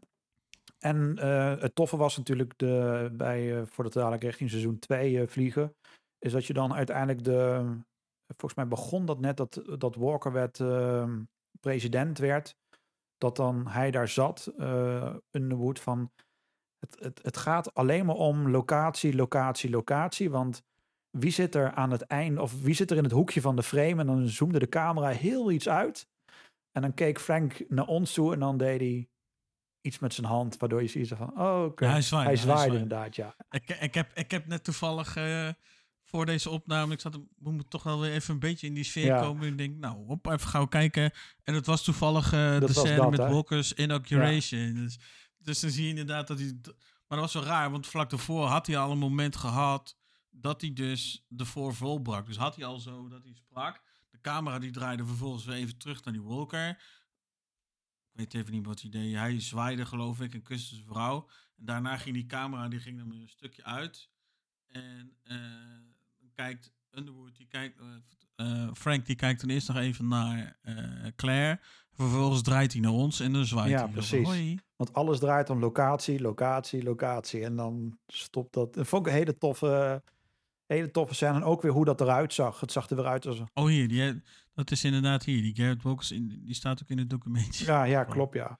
Dus het was wel tof. Dat, en ook de manier hoe dat weer ging. Weet je, hoe dan een president, eh, hoe dat allemaal ging. En, eh, want ja, voor mij was die serie wel dat hij echt liet zien hoe dat politieke geneuzel eigenlijk in Amerika eraan toe ging. Dat liet deze serie heel erg goed zien. Want dat had ik eigenlijk nog nooit op die manier eh, ja, gezien. Want wij zien eigenlijk alleen maar toen je ziet Obama zijn dingetje doen, maar hoe dat allemaal achter de schermen gaat, eh, ja, daar hadden natuurlijk geen weet van. En, daar krijg je nu een beetje een kijkje van. Ehm, dus ik vond het wel heel erg tof. De seizoen 1, die zette wel echt heel erg goed de toon wat mij betreft. Om al meteen te laten zien van oké, dit is wat we gaan doen. Maar zonder te weten dat hij president wilde gaan worden. Of eigenlijk ging worden, want het toffe is hij wordt het dan uiteindelijk. Maar hij wordt het niet op de normale manier. Hij wordt niet van ik ga mij verkiesbaar stellen. En dit, hij weet het gewoon op een behoorlijk geniepige manier weet hij het voor elkaar te krijgen. om die stoel te krijgen. En dat vond ik wel heel erg tof. Om de president Ja, te om de worden. president te worden. Dat heeft hij op een hele getrukt. Want hij wist, als hij zichzelf verkiesbaar zou gaan stellen, zou dat hem niet gaan lukken. Dus hij deed het op een compleet andere eh, manier. Maar voordat we naar seizoen 2 gaan, zijn er nog dingen Wat, die we over seizoen 1 kwijt willen. Dan pak ik heel even snel de afleveringen erbij. Want we hebben natuurlijk het verhaal van de Underwoods, wat natuurlijk draait. We hebben eh Zoe die heb- loopt. ik heb toch nog wel even een dingetje die ik aan wil stippen eigenlijk. Die bedenk ik me nu eigenlijk ter plekke. Staat dus ook niet in het document. Oh jee, oh jee. Oh, Oh jee, jee. oh jee, oh jee. Maar ehm, dat is de rol van Hammersmith. Oh ja, ja, precies. Die, die, is ook belangrijk. Die is natuurlijk, die is in het eerste seizoen is die natuurlijk de hoofdredacteur van, eh, hoe heet die krant ook weer? De New York Herald? ja, de? Herald, ja.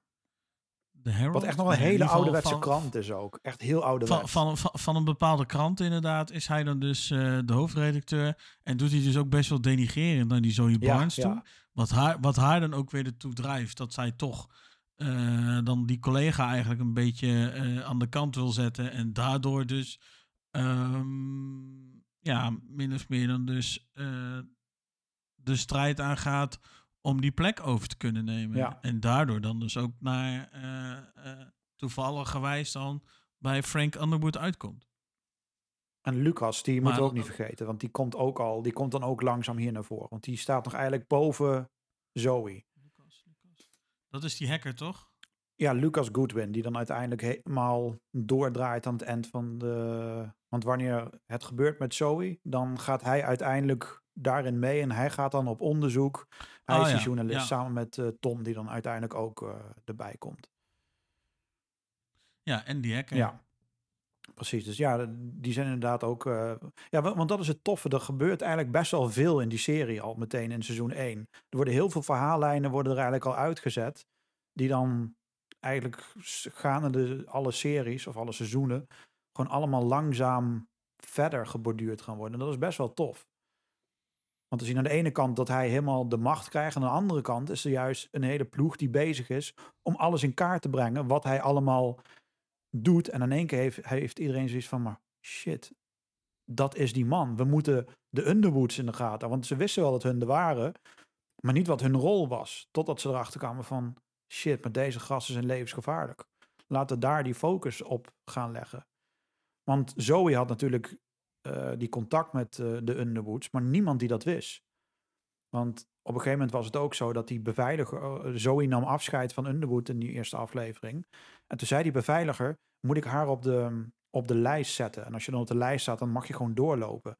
En toen zei Frank meteen, nee, zij mag niet in de boeken komen. Met andere woorden, wat er, er is geen fysiek bewijs dat hun contact hebben met elkaar. En dat was Mhm. wel heel tof dat ze dat op die manier eh, hadden uitgezet. En die Tom, Tom Hammerschmidt, dat was best wel een, echt een kerel van een hele oude stempel ook gewoon. Gewoon, mm, Ja. gewoon heel simpel, van echt nog zo'n ouderwetse krant. Vond ik, vond ik op zich ook wel goed gecast. Ja, heel eh. goed. Echt een hele toffe acteur die dat, eh, die dat deed. Ehm, maar we moeten ook niet vergeten Cathy Durant. Die zien we, Cathy du, du, du, Durant. Ik krijg Getty Durant. bijna niet allemaal uit. Dus secretary, die later de Secretary of State is. Precies. Zij speelt natuurlijk ook al een vrij belangrijke rol eh, in het begin. Want ja, zij is eigenlijk. ehm, ja, zij komt later zeker nog een paar keer eh, naar voren. Het is ook heel belangrijk hoe zij, eh, wie zij is. En natuurlijk onze Donald. Donald Blythe, die natuurlijk. Ik, ik denk dat Donald Blythe een beetje de, de Joe Biden van nu is. Weet je, zo'n heel simpel mannetje. Want Oh, ja. Die, eh, ja, die uiteindelijk ja, de ja, vice president dan. Volgens mij was hij de vice president onder. ehm, Onder onder, Underwood. onder Underwood later. Dus het was echt een heel simpel. Echt een man, want hij was de secretary, geloof ik, van, de, ehm, van het onderwijs, geloof ik. Iets in die richting. En hij was helemaal gefo... Nee, hij was, hij was eh, senator. Oh ja, ja. En hij, had, hij was senator en had als. eh, ja, soort van specialisme. Net zoals dat hier de Kamerleden dat ja, hebben. dat was het, ja. En die hebben dan vaak ook een bepaalde, bepaald gebied waar zij hun aandacht en dingen op focussen.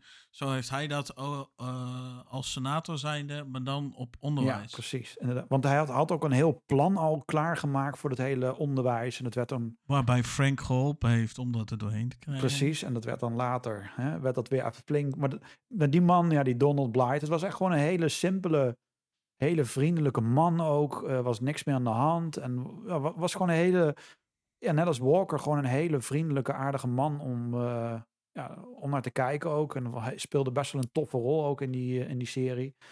Maar ja, goed, die was natuurlijk Maar wel, maar wel weer, eh, wat dat betreft, wel weer, hoe moet ik het zeggen, eh, verwond. Want zijn vrouw was natuurlijk dan weer door dementie Ja, overleden. ja, precies. Dat was ook, die had, en daar maakte natuurlijk Underwood ook weer misbruik van, van die situatie, om dat op die manier weer eh, te spelen en te spinnen en dan toch weer een schuld aanpraten, maar ook weer niet. En je, die Underwood had eigenlijk de hele tijd zes maskers de hele tijd op en dat wisselde zich maar continu. En je moest als kijker heel Ja. goed opletten van, ben je nu sarcastisch? Meen je dit nu? Ehm, want de waarheid, ik heb nooit echt geweten wat, wat, want meende hij het nu? Meende hij het nu niet? Vond hij het nog... Want hij had totaal geen sympathie, die Underwood. Hij heeft geen enkele manier van sympathie. Hij heeft geen enkele manier van goede emotie. Zij, ook- maar Claire ook niet echt, hè? Claire één keer, toevallig in aflevering 1 zag ik het net, dat zij op een gegeven moment, of in seizoen 2, dan ging ze naar beneden, ging ze op de trap en ging ze spontaan zitten huilen. En toen barstte ze helemaal.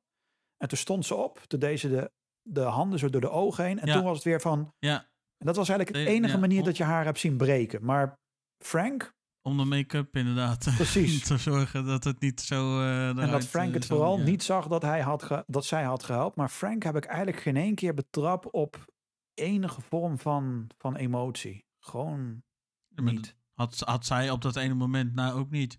Want zij heeft op een gegeven moment, is dat, of dat dan in seizoen 1 of seizoen 2 is, weet ik niet. Maar dat komt de hele tijd dan, eh, dat komt ook trouwens vaker terug, dat zij dus abortus had gepleegd. Oh ja, ja, precies. Want blijkbaar, blijkbaar is dat ook een ding. Ja, ja, precies. Voor als je dus president of vicepresident eh, Ja, want- of wat dan ook. Dus dat komt ook elke keer. En dat begint daar in seizoen 1 begint dat ook al. En eh, dan zie je ook wel, als ze dan dus iemand aanneemt die dan dus zwangerschapsverlof wil hebben, dat ze bepaald iets zou doen dat uiteindelijk niet gedaan heeft. En dat die Claire dan vervolgens toch ook wel als een botte hork, om het maar even zo te zeggen, uit de plaats schiet. Ja, want heel, ik denk dat zij botter is dan het Frank is. Eh, en vooral om, kijk, Ik zal het je, ik zal het je nog sterker vertellen. Ehm, dan loop ik misschien een klein stukje op de feiten vooruit. Ehm, maar wat je ziet bij Claire in seizoen 1. Zij heeft eerst gewerkt bij een bedrijf. En eh, wilde daarna dan dus hogerop. En ook, ja, dan toch eh, ook de wereld verbeteren. Laat ik het Ja, dan zo ja. zeggen.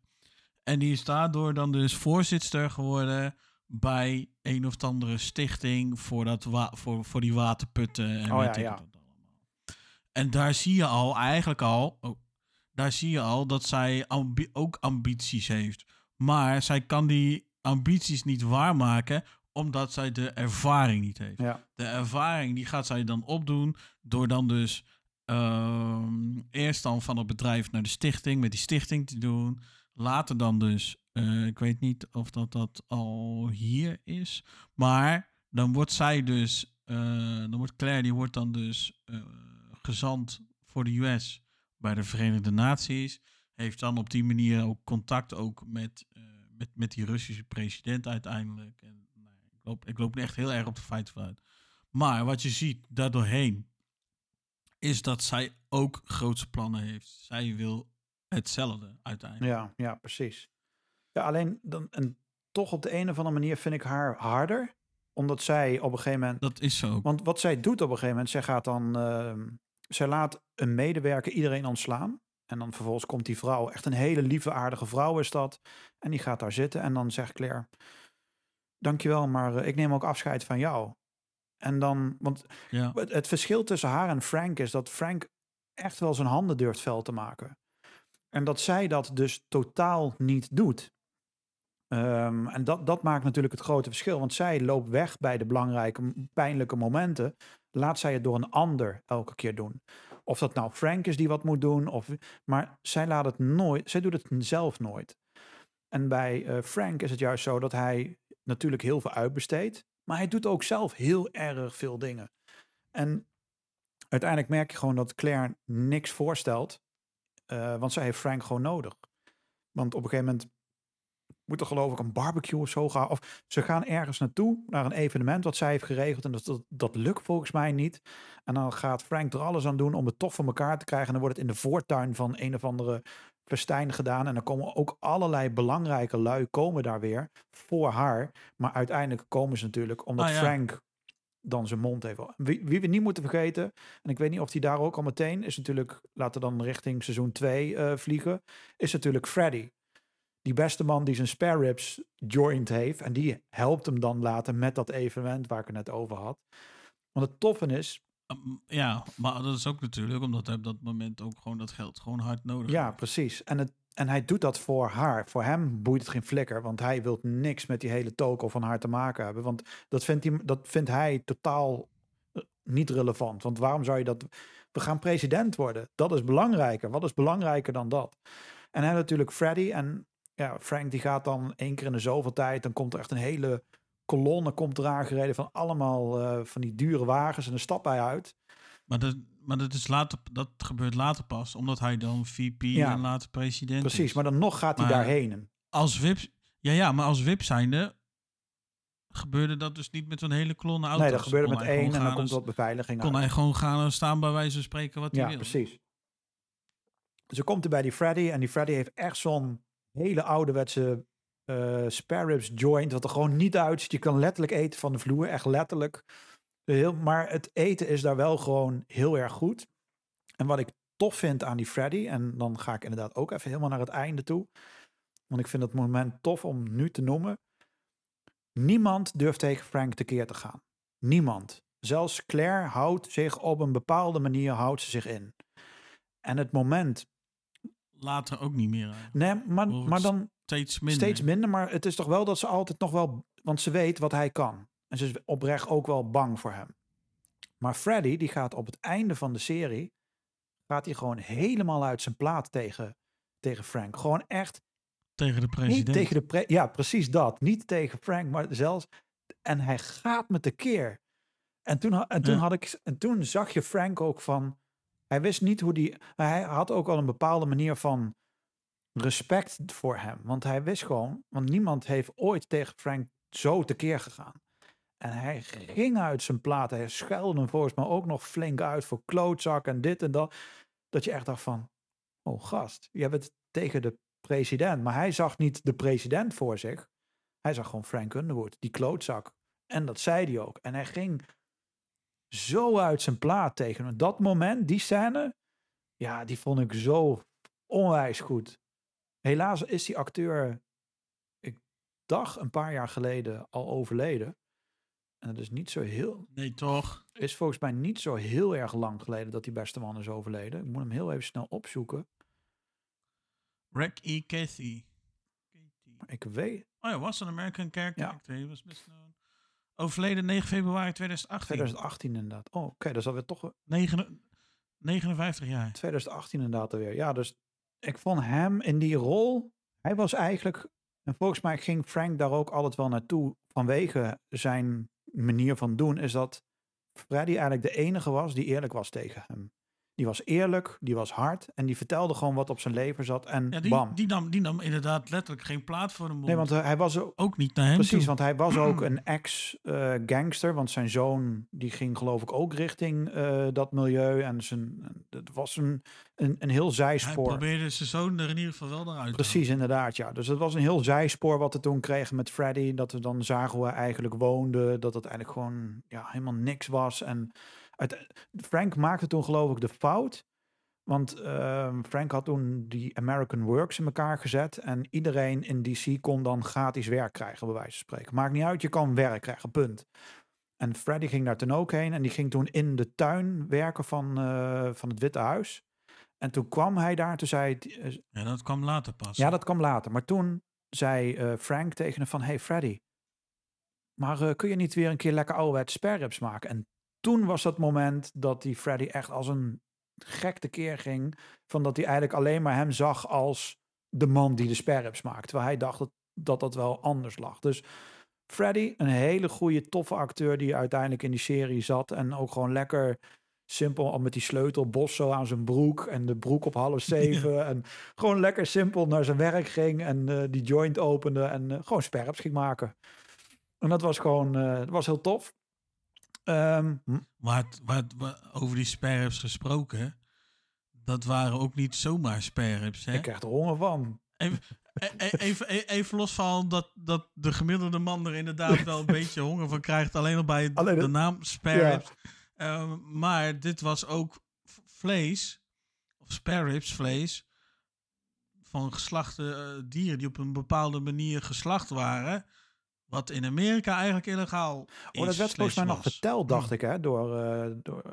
Volgens mij ging Frank dat uitleggen, geloof ik, toch? Waarom die daar ging. En daar was de reden, dacht ik, toch? Of Dat weet ik even niet meer. Maar er blijkt wel uit de serie dat die sperps, ja, bij wijze van spreken op een speciale manier Ja. eh, eh, voorbereid waren. En nou ja, dat het dan dus erin zat dat ze dan dus geslacht zijn op een illegale manier. Ja, ja, precies.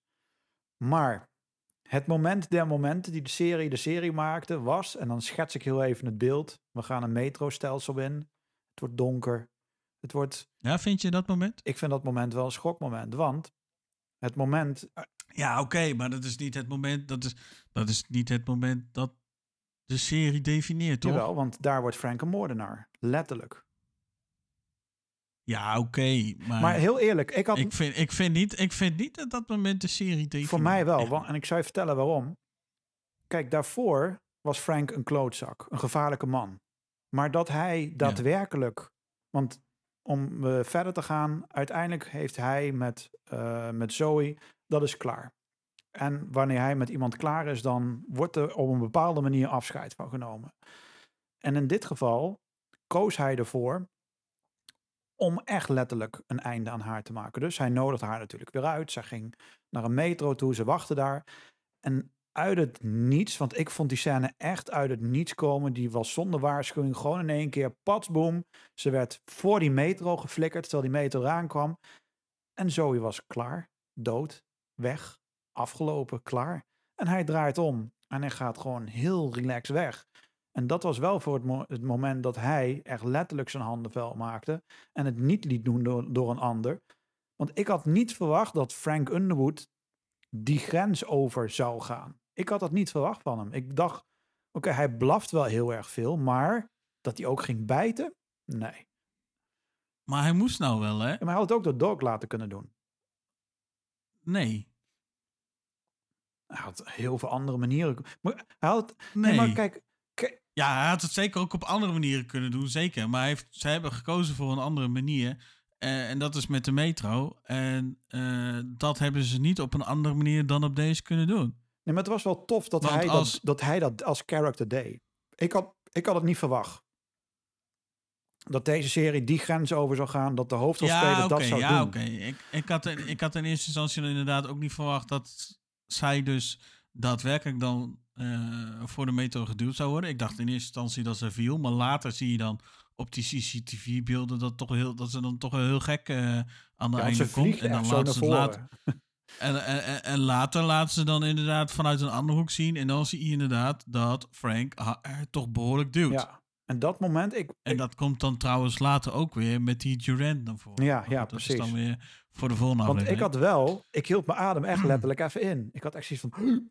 En het grappige was, ik heb toen later heb ik, ehm, ging dat kijken met mijn vader. Want, en toen wist ik van, oh kut, dat moment komt. Dus ik ging gewoon heel relaxed onderuit zitten. En ik denk, ga even kijken naar rechts. En ik keek naar rechts en het moment kwam. En mijn vader had ook zoiets. Wow. Want dat was wel, kijk, voor het eerst, kijk wat ik al zei, hij blafte heel erg veel. En kijk, met Russo was gewoon puur toeval. Het enige wat hij hoefde te doen was de auto verder te laten lopen en voor de rest weglopen. Maar dat hij echt daadwerkelijk die duw zo gaf en hoe die haar in die val liet lopen, ik wel zoiets van, oh shit, dit, dit gaat tof worden. Want als hij nu al deze grens overgaat, dan gaat hij waarschijnlijk vaker die grens over. Grens over, ja. En dat was wel, daarom zeg ik van dit definieerde voor mij een beetje die serie, omdat hij nu wel echt gewoon een verandering ging, maken. Want hij ging nu, want blijkbaar tot en met dat moment kon hij met, met woorden kon hij heel eind komen. Maar hij had het niet meer onder controle met woorden. En dan kun je maar één ding doen, door die persoon uit te schakelen. En dan heb je weer de controle. En dat deed hij. En toen daarna kreeg hij weer volledig eh, de controle. En dat vond ik gewoon wel heel tof dat hij toch zo ver ging om dat te doen. Nu weet ik alleen, ben ik alleen even kwijt of Claire wist dat Frank uiteindelijk haar had vermoord. Maar dat heb ik even. eh, ja, dat weet ik even niet meer precies hoe dat toen. Nou ging. ja, uiteindelijk, uiteindelijk weet zij ook dat eh, hij een affaire met haar heeft. En vindt dat vindt ze verder ook goed. Ja, want dat is ook zo gek. Want hun kunnen natuurlijk gewoon een relatie hebben met anderen. Want zij, want zij, Ja, zij hebben wat dat betreft gewoon een open huwelijk. Precies. een redelijk open Want huwelijk. zij zegt op een gegeven moment ook van ja, eh, ze ze weet waarom. Want ze spoort Frank ook aan van ga nu naar, hem, naar haar toe en doe dit. Want je moet haar meer eh, in, haar, in je macht weten te krijgen. Want het grappige was bij de Ja. eerste aflevering, dan komt, zij, komt eh, Zoe binnen en la, zij gaat en Claire komt. En dan gaat Zoe weg en dan kijkt Claire Frank aan zegt ze, werkt dat nou echt zo'n training bra en een, een, een, een V-hals, werkt dat voor een man? En dan kijkt Frank, nee, niet echt. En dan draait hij om. En dan, ja, dus dan, dan weet je gewoon van, ah, oké, hun spelen op die manier dat, dat, dat spel om, om verder te komen. Dus ja, dan houdt het eigenlijk op voor, eh, voor Zoe Barnes. Wat best wel jammer is, want het was gewoon een leuke actrice in die serie. Maar het was wel heel tof en het kwam voor mij volledig onverwacht. Dat ze op die manier gewoon ja, een character gewoon pat, boom, klaar. En meteen, tjak, op dat moment ook. Dat vond ik best wel bitter. toen, toen dan, nou ja, in eerste instantie zag ik er dan dus zo voor de metro vallen. En dacht ik van, huh, wat gek. En vervolgens laten ze dan dus zien wat dan dus de toedracht is. En dan zie je later ook die CCTV-camera beelden. En toen had ik wel zoiets van, oh, what the fuck. Ja. Ja, en het, Dat, dat, had ik, dat had ik wel. Maar ja, het had ook niet heel veel anders kunnen doen. Want stel, eh, Doc had er dan in één keer gestaan. In plaats van Underwood. Dan had zij ook gebeld of eh, gegild of wat dan ook. Dus dan hadden ze die, die kans niet kunnen grijpen. Dan hadden ze het niet kunnen... Dus het moest bij, eh, bij Zoe Barnes moest Frank het dus ja, precies. Maar ja, het feit dat ze het hebben gedaan, vond ik tof. Voor de serie, dat ze dan toch zoiets hadden van, oké, het lukt hem niet verbaal. Nou, dan wordt het maar fysiek dat we dat gaan, eh, gaan doen. Dus daar draaide wel, voor hem als character draaide dat wel eventjes volledig om. Dat wel even een vice-president of iemand die bijna in het witte, of die letterlijk in het Witte Huis zo goed als zit, dat hij gewoon even iemand vermoordt. Bijna, bijna. Dat was nog niet. Hij, hij was nog whip op dat Ja, moment. precies. Dus hij was al, ja, het feit dat hij dat deed. Hij, hij want hij moest van de, hij moest van eraf, omdat hij VP wilde worden. Ja, precies. En zij wist natuurlijk te veel. En, en heel simpel, ze had haar rol gespeeld. Dat was met Russo ook. Ja. Rol gespeeld, oké, doei, klaar. Eh. Rachel, idem dito, maar dat was een beetje het probleem van, eh, van Doc. Dat, dat moest zij dan maar, of dat moest hij dan zelf maar oplossen. Ehm, we hebben natuurlijk ook in dat seizoen dat ehm, Frank uiteindelijk langzaam eh, de VP langzaam gaat worden. Of hij wordt dat dan uiteindelijk. Krijgt hij natuurlijk ook. Dan, weet je wat ik tof vind trouwens aan die scène? Van het moment dat hij dat. hij speelt heel erg veel Call of Duty. Eh, dat, dat speelt hij een paar keer in die serie. Oh, vandaar dat jij het ook zoveel speelt. Nee, dat speelde ik al ruim ervoor. Dat was nog toen ik nog een hele kleine Michael was. Eh, maar Oh op een gegeven moment dan wordt hij natuurlijk de vice-president. En dan wordt zijn eh, ambtshuis wordt dan omgetoverd. Wat wordt volledig gebarricadeerd. Komt allemaal beveiliging. Dat wordt, dat wordt omgebouwd omdat zij niet willen verhuizen. Ja, hè? precies. Want hij wil gewoon normaal blijven. En dat zeg ik even met aanhalingstekens. Maar hun willen gewoon normaal blijven. En dan gaat hij daar zitten. En dan zie je de PlayStation controller. Eh, en dan staat hij hem op. En dan wil hij Call of Duty spelen. En is van, maar dat werkt niet. Nee, dat klopt meneer. Want dan is, Dat was toch vanuit het, volgens mij was dat pas in het Witte Huis hoor. nee, dat is al thuis. Want, dan, want hij, je ziet hem een paar keer in het eerste seizoen. Zie je hem al een paar keer Call of Duty spelen. Heeft hij de ja. Koptelefoon ja, op. En dan later, dan in zijn huis, wordt dan volledig dat helemaal afgesloten. Dan kan hij niet meer online gamen. En dan doet die koptelefoon ook af. En dan houdt het ook op. Dus dan is die eh, Call of Duty hobby is dan, eh, wel, wordt dan wel de nek omgedraaid. Maar eh, los van, van dat, er, komt een andere, er komen best wel wat andere spelers. En we hebben natuurlijk Jackie Sharp. Ehm, zij wordt eigenlijk de nieuwe whip. Dus zij neemt eigenlijk de rol van Frank over. En Frank die promoveert dan richting VP. Maar we hebben natuurlijk Jackie Sharp die speelt. eh Remy die natuurlijk weer een, een relatie krijgt met haar. Gaat ook helemaal fout. Maar uiteindelijk krijgen we Raymond Tusk. En Raymond Tusk is dan een beetje een soort van... De vriend van Walker. Ja, een, een- een vriend, maar ook een beetje een mentor. Van, want Walker die luistert naar Raymond Tusk. En het toffe aan Raymond Tusk is dat hij een elektriciteitsboer is, om het maar even eh, makkelijk te zeggen. Hij is een van de, de hele elektriciteitsnet, of tenminste het grootste deel, dat valt onder zijn bedrijf. Dus hij heeft de macht om te zeggen, zet het maar uit. En dan heeft Amerika geen stroom meer op. Je, dat is even kort door de bocht. En dat wil hij dan later, gaat hij dat ook echt inzetten. Op het moment dat het heel warm wordt eh, en, hij en meneertje krijgt niet zijn zin, doet hij alsof een powers eh, eh, dingen helemaal overhit geraakt en dat het niet kan. En dan moet hij het uitzetten. En daardoor zit half Amerika zonder airco en weet ik het allemaal. En dan zegt die Raymond Tusk ook van ja, ik kan daar allemaal eigenlijk helemaal niks aan doen. En op die manier krijg je eigenlijk een, een, een, spel tussen eh, Walker, eh, Tusk en Underwood. Want die drie zitten eigenlijk ja, de hele tijd te spelen met elkaar. Walker die wordt weer bespeeld door Tusk. Tusk wordt weer bespeeld door Underwood. Underwood wordt weer door Tusk gespeeld. En ondertussen wordt... Want het doel is natuurlijk Walker uit het Witte Huis. Hem eruit. En uiteindelijk Tusk. Ja, die doet zijn ding. Want die, Ja, die, en die Tusk die wil Walker juist inhouden, want die wil dan zijn, zijn China-dealtjes precies, eh, want daar draait natuurlijk... We hebben, kunnen blijven we bekosten. hebben natuurlijk eh, Amerika versus eh, China die dan eh, helemaal opbloeit. En daar komt een eh, gigantische oorlog. En schepen worden vooruitgezet. En eh, dat heel tof gedaan trouwens ook allemaal op die manier. En dan eh, het toffe is wel de, het moment dat we die eerste keer dat we Raymond Tusk zien. is eigenlijk gewoon een heel simpel saai kantoortje. Heel kleurloos die daar een beetje zit. En dan zit hij daar met een oude telefoon, oude computerscherm. Zit hij een beetje Chinees te lullen om indruk te maken. Want dan zit Underwood zit voor hem.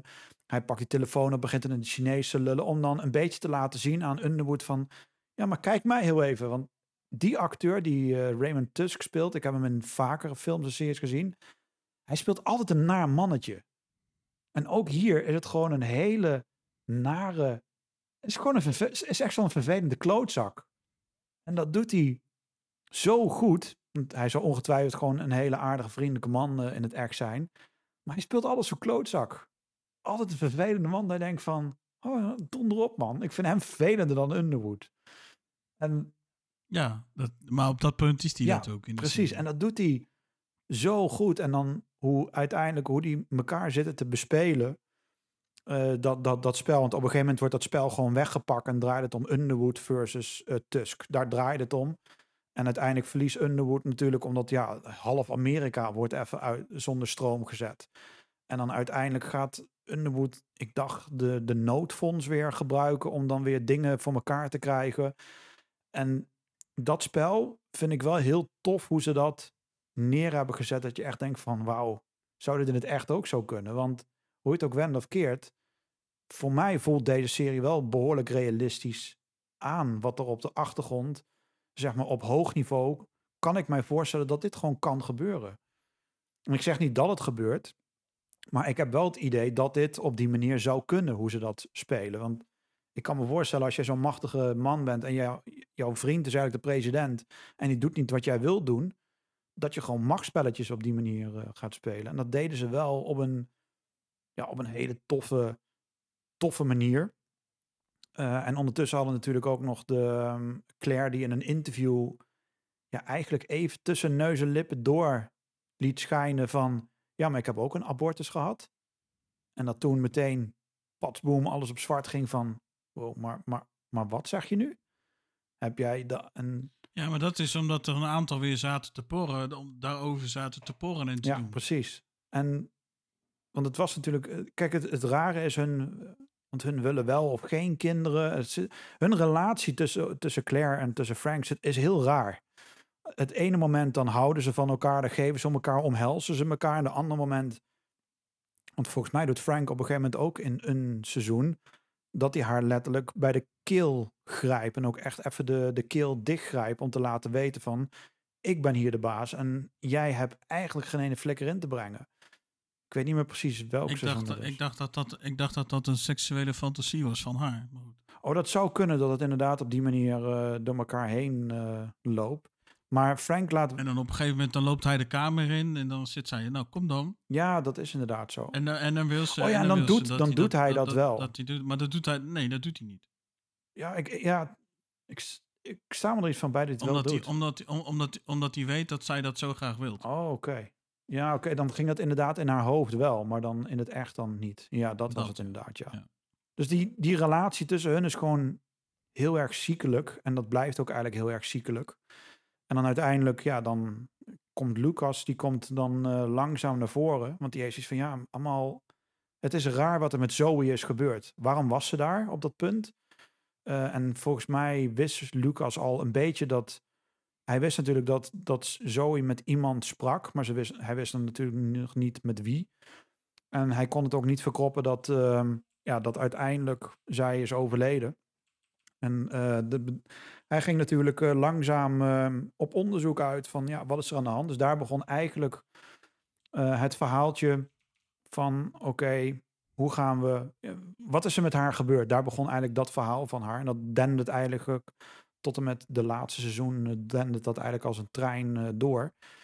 Ehm, ja, dat, dat, dat, dat moment was ook tof. Want dan, toen zagen we uiteindelijk iets meer van dat hele journalisten gebeuren. En toen werd ook echt de schijnwerper op, volgens mij al redelijk snel op Underwood. Alleen ze, hij wist het wel van, ah, hij moet het zijn. Maar ze hadden natuurlijk nog geen bewijs. Dus toen begon, Ze hadden geen ze hadden geen harde bewijs. En die kregen ze ook. nog. precies. Plus, ja, Underwood was op dat moment al de vice-president. Dus ja, een onderzoekje naar de vice-president was al, is natuurlijk, dat, komt, dat, lukt, dat krijg je niet voor elkaar. Dat is niet, dan moet je echt van hele sterke huizen komen, wil je dat voor elkaar gaan krijgen. Eh, dus dat gebeurde langzaam. Eh, nou ja, en in die tussentijd ehm, krijgen we natuurlijk het moment dat de Walkers. Wat ik wel vind met de Walkers trouwens, dat hun te weinig podium hebben gekregen in de serie. Hun, werden, hun hebben iets te weinig, naar mijn mening, camerapunten gehad. Ik had liever hem nog ietsjes. Ik snap het, het draait om de Underwoods, maar ik had hem wat wel wat graag wat meer, meer willen zien. Ja, het had, het had niet zo'n heel prominente Ja, rol inderdaad. precies. Het had, het had wat prominenter aanwezig mogen zijn. Ja, dat, dat heb ik ook. Het was wel, moet ik wel toegeven, het moment dat Walker op zijn strepen moest staan, dan deed hij dat ook best wel goed. Dan was het niet, want de hele tijd was best wel een beetje een, ja, een softie, maar op de momenten dat hij echt wel even op zijn strepen ging staan, dan deed hij dat ook wel. Dat vond ik wel heel erg tof eh, aan hem. Ehm, alleen ja, toen kwam uiteindelijk het moment dat alle schandalen langzaam op, eh, ja, opstapelden. En toen werd er langzaam de impeachment gestart. En toen konden Walkers eigenlijk maar één ding doen van of we kunnen de impeachment afwachten. Nou, dan word je afgezet. En dan ben je eigenlijk door schande word je afgezet. En dat wil je natuurlijk ook niet. Of je neemt dan zelf afscheid. En het toffe was, en ik heb toevallig even dat laatste stukje gekeken, is dat Underwood het dusdanig speelde dat hij een.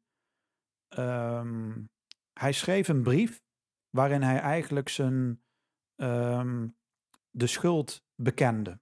Dat hij, hij nam eigenlijk de schuld op zich. En tegelijkertijd nam hij daarmee ontslag. En die gaf hij aan Walker. En hij zei: Je kan kiezen. Of jij neemt de schuld, of je schuift alles op mij af. En ik neem wat er komt. En dan word ik, ben ik de Sjaak. Maar dan kun jij gewoon president zijn. Maar hij wist dat Walker dat never nooit zou doen, omdat Walker een good guy is. Dat is een Ja, het was voor Walker de extra druppel voor de emmer. Ja, precies. Maar hij was. Even, even, even plat gezegd. Maar ja, maar, hij, maar Underwood wist dat hij dat nooit zou doen. Omdat hij wist van. Walker is zo'n good guy. Wat er ook gebeurt, hij zal altijd de schuld op zich nemen. En hij had Walker dusdanig bewerkt dat ze ook wel enigszins vrienden waren. Ja. Tusk, die was op dat moment ook al weggewerkt en out of the picture. Ze waren nog met z'n tweeën. Ja, precies. Want daarvoor was het natuurlijk nog heel erg dat, dat Raymond Tusk en Walker echt gewoon twee handen op één buik waren. En langzaam heeft hij hem eruit gespeeld. Want dat, dat zei Frank op een gegeven moment ook. Toen had hij hem aan de telefoon. En toen zei Frank dan tegen ons van oké, hij zit nu zo in het donker en hij heeft maar één lichtpunt en dat ben ik. En dat was zo goed gespeeld. En dan, En dat is ook een, een behoorlijke chapeau richting de schrijvers van deze serie, is dat daar zo onwijs goed over na is gedacht. Want alles klopt, alles is zo goed over nagedacht. En op dat moment, toen dat gebeurde met die brief, dan had je zoiets van, maar holy shit. Het, hoe, hoe hun daarover na hebben gedacht aan het begin van het seizoen.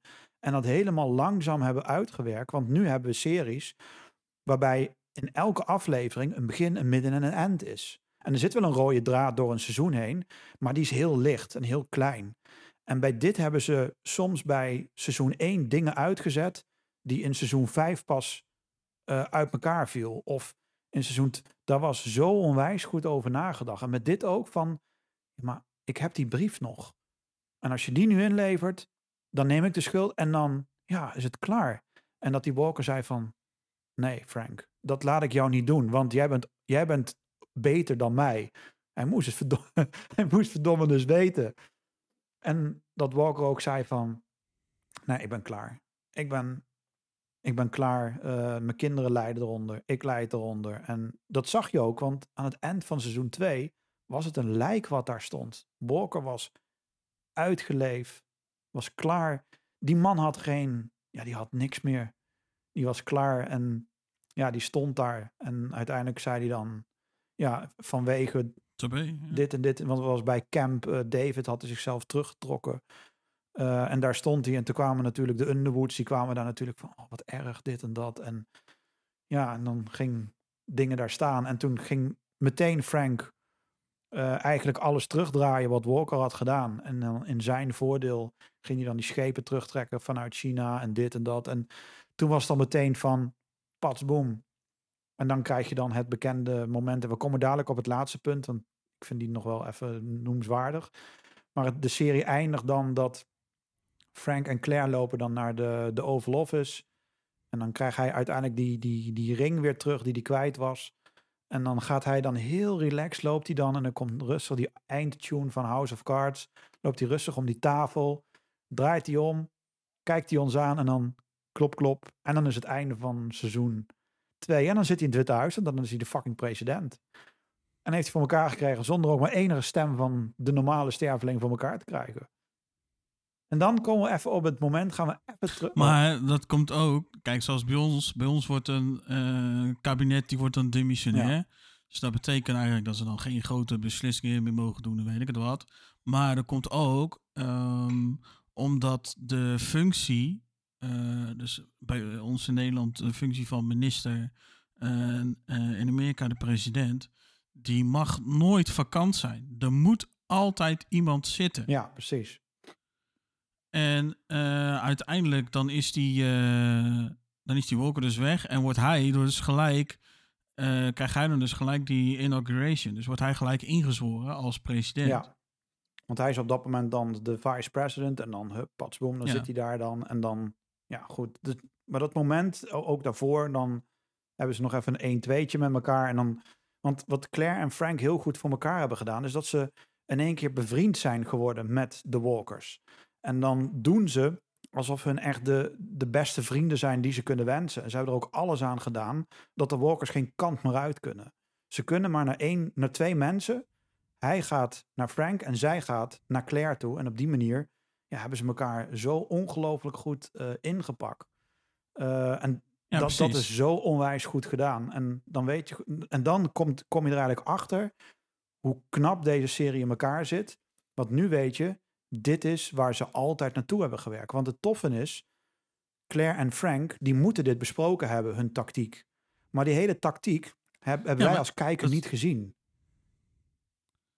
Jawel. Ja, voor een deel, maar ook weer niet alles. Want je, ziet, je ziet inderdaad niet alles, maar je ziet wel uh, dat zowel Frank overlegt met Claire van wat hij uh, voor plannen heeft, de dingen die hij dan dus wil gaan doen om zijn doel te bereiken of om een bepaald doel te bereiken. Ja.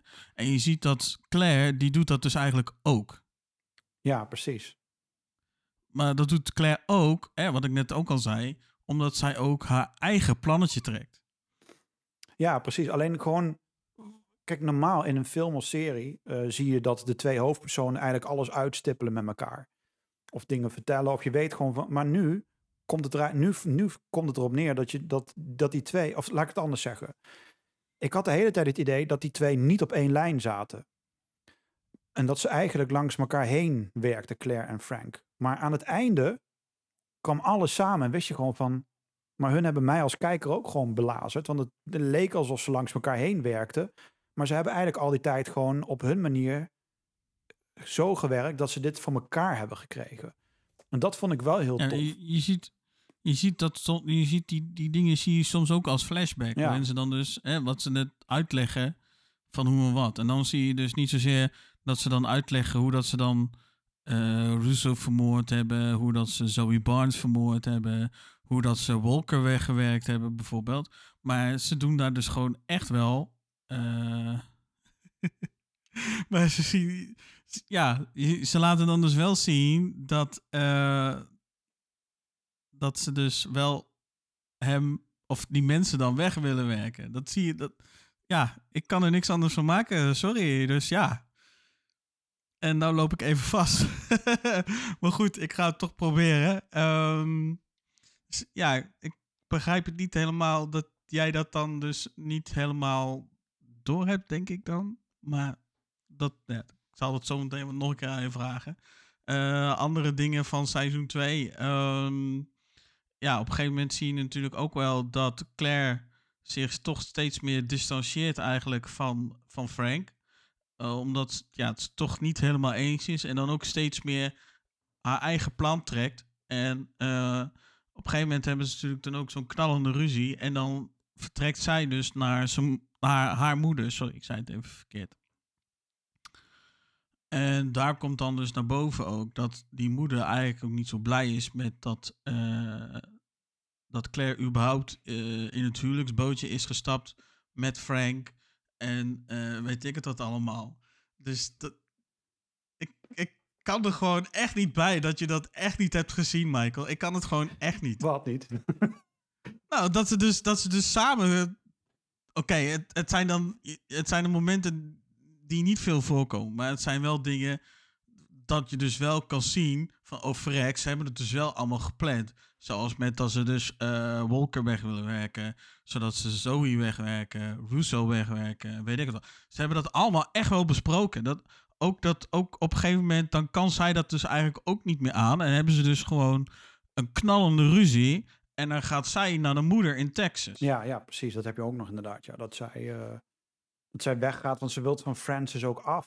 Wat, wat wel op, op een gegeven moment een beetje raar is. Want op een gegeven moment, dat, dat vind ik een beetje een rare eh, vertakking, dat zij dan in één keer heeft van...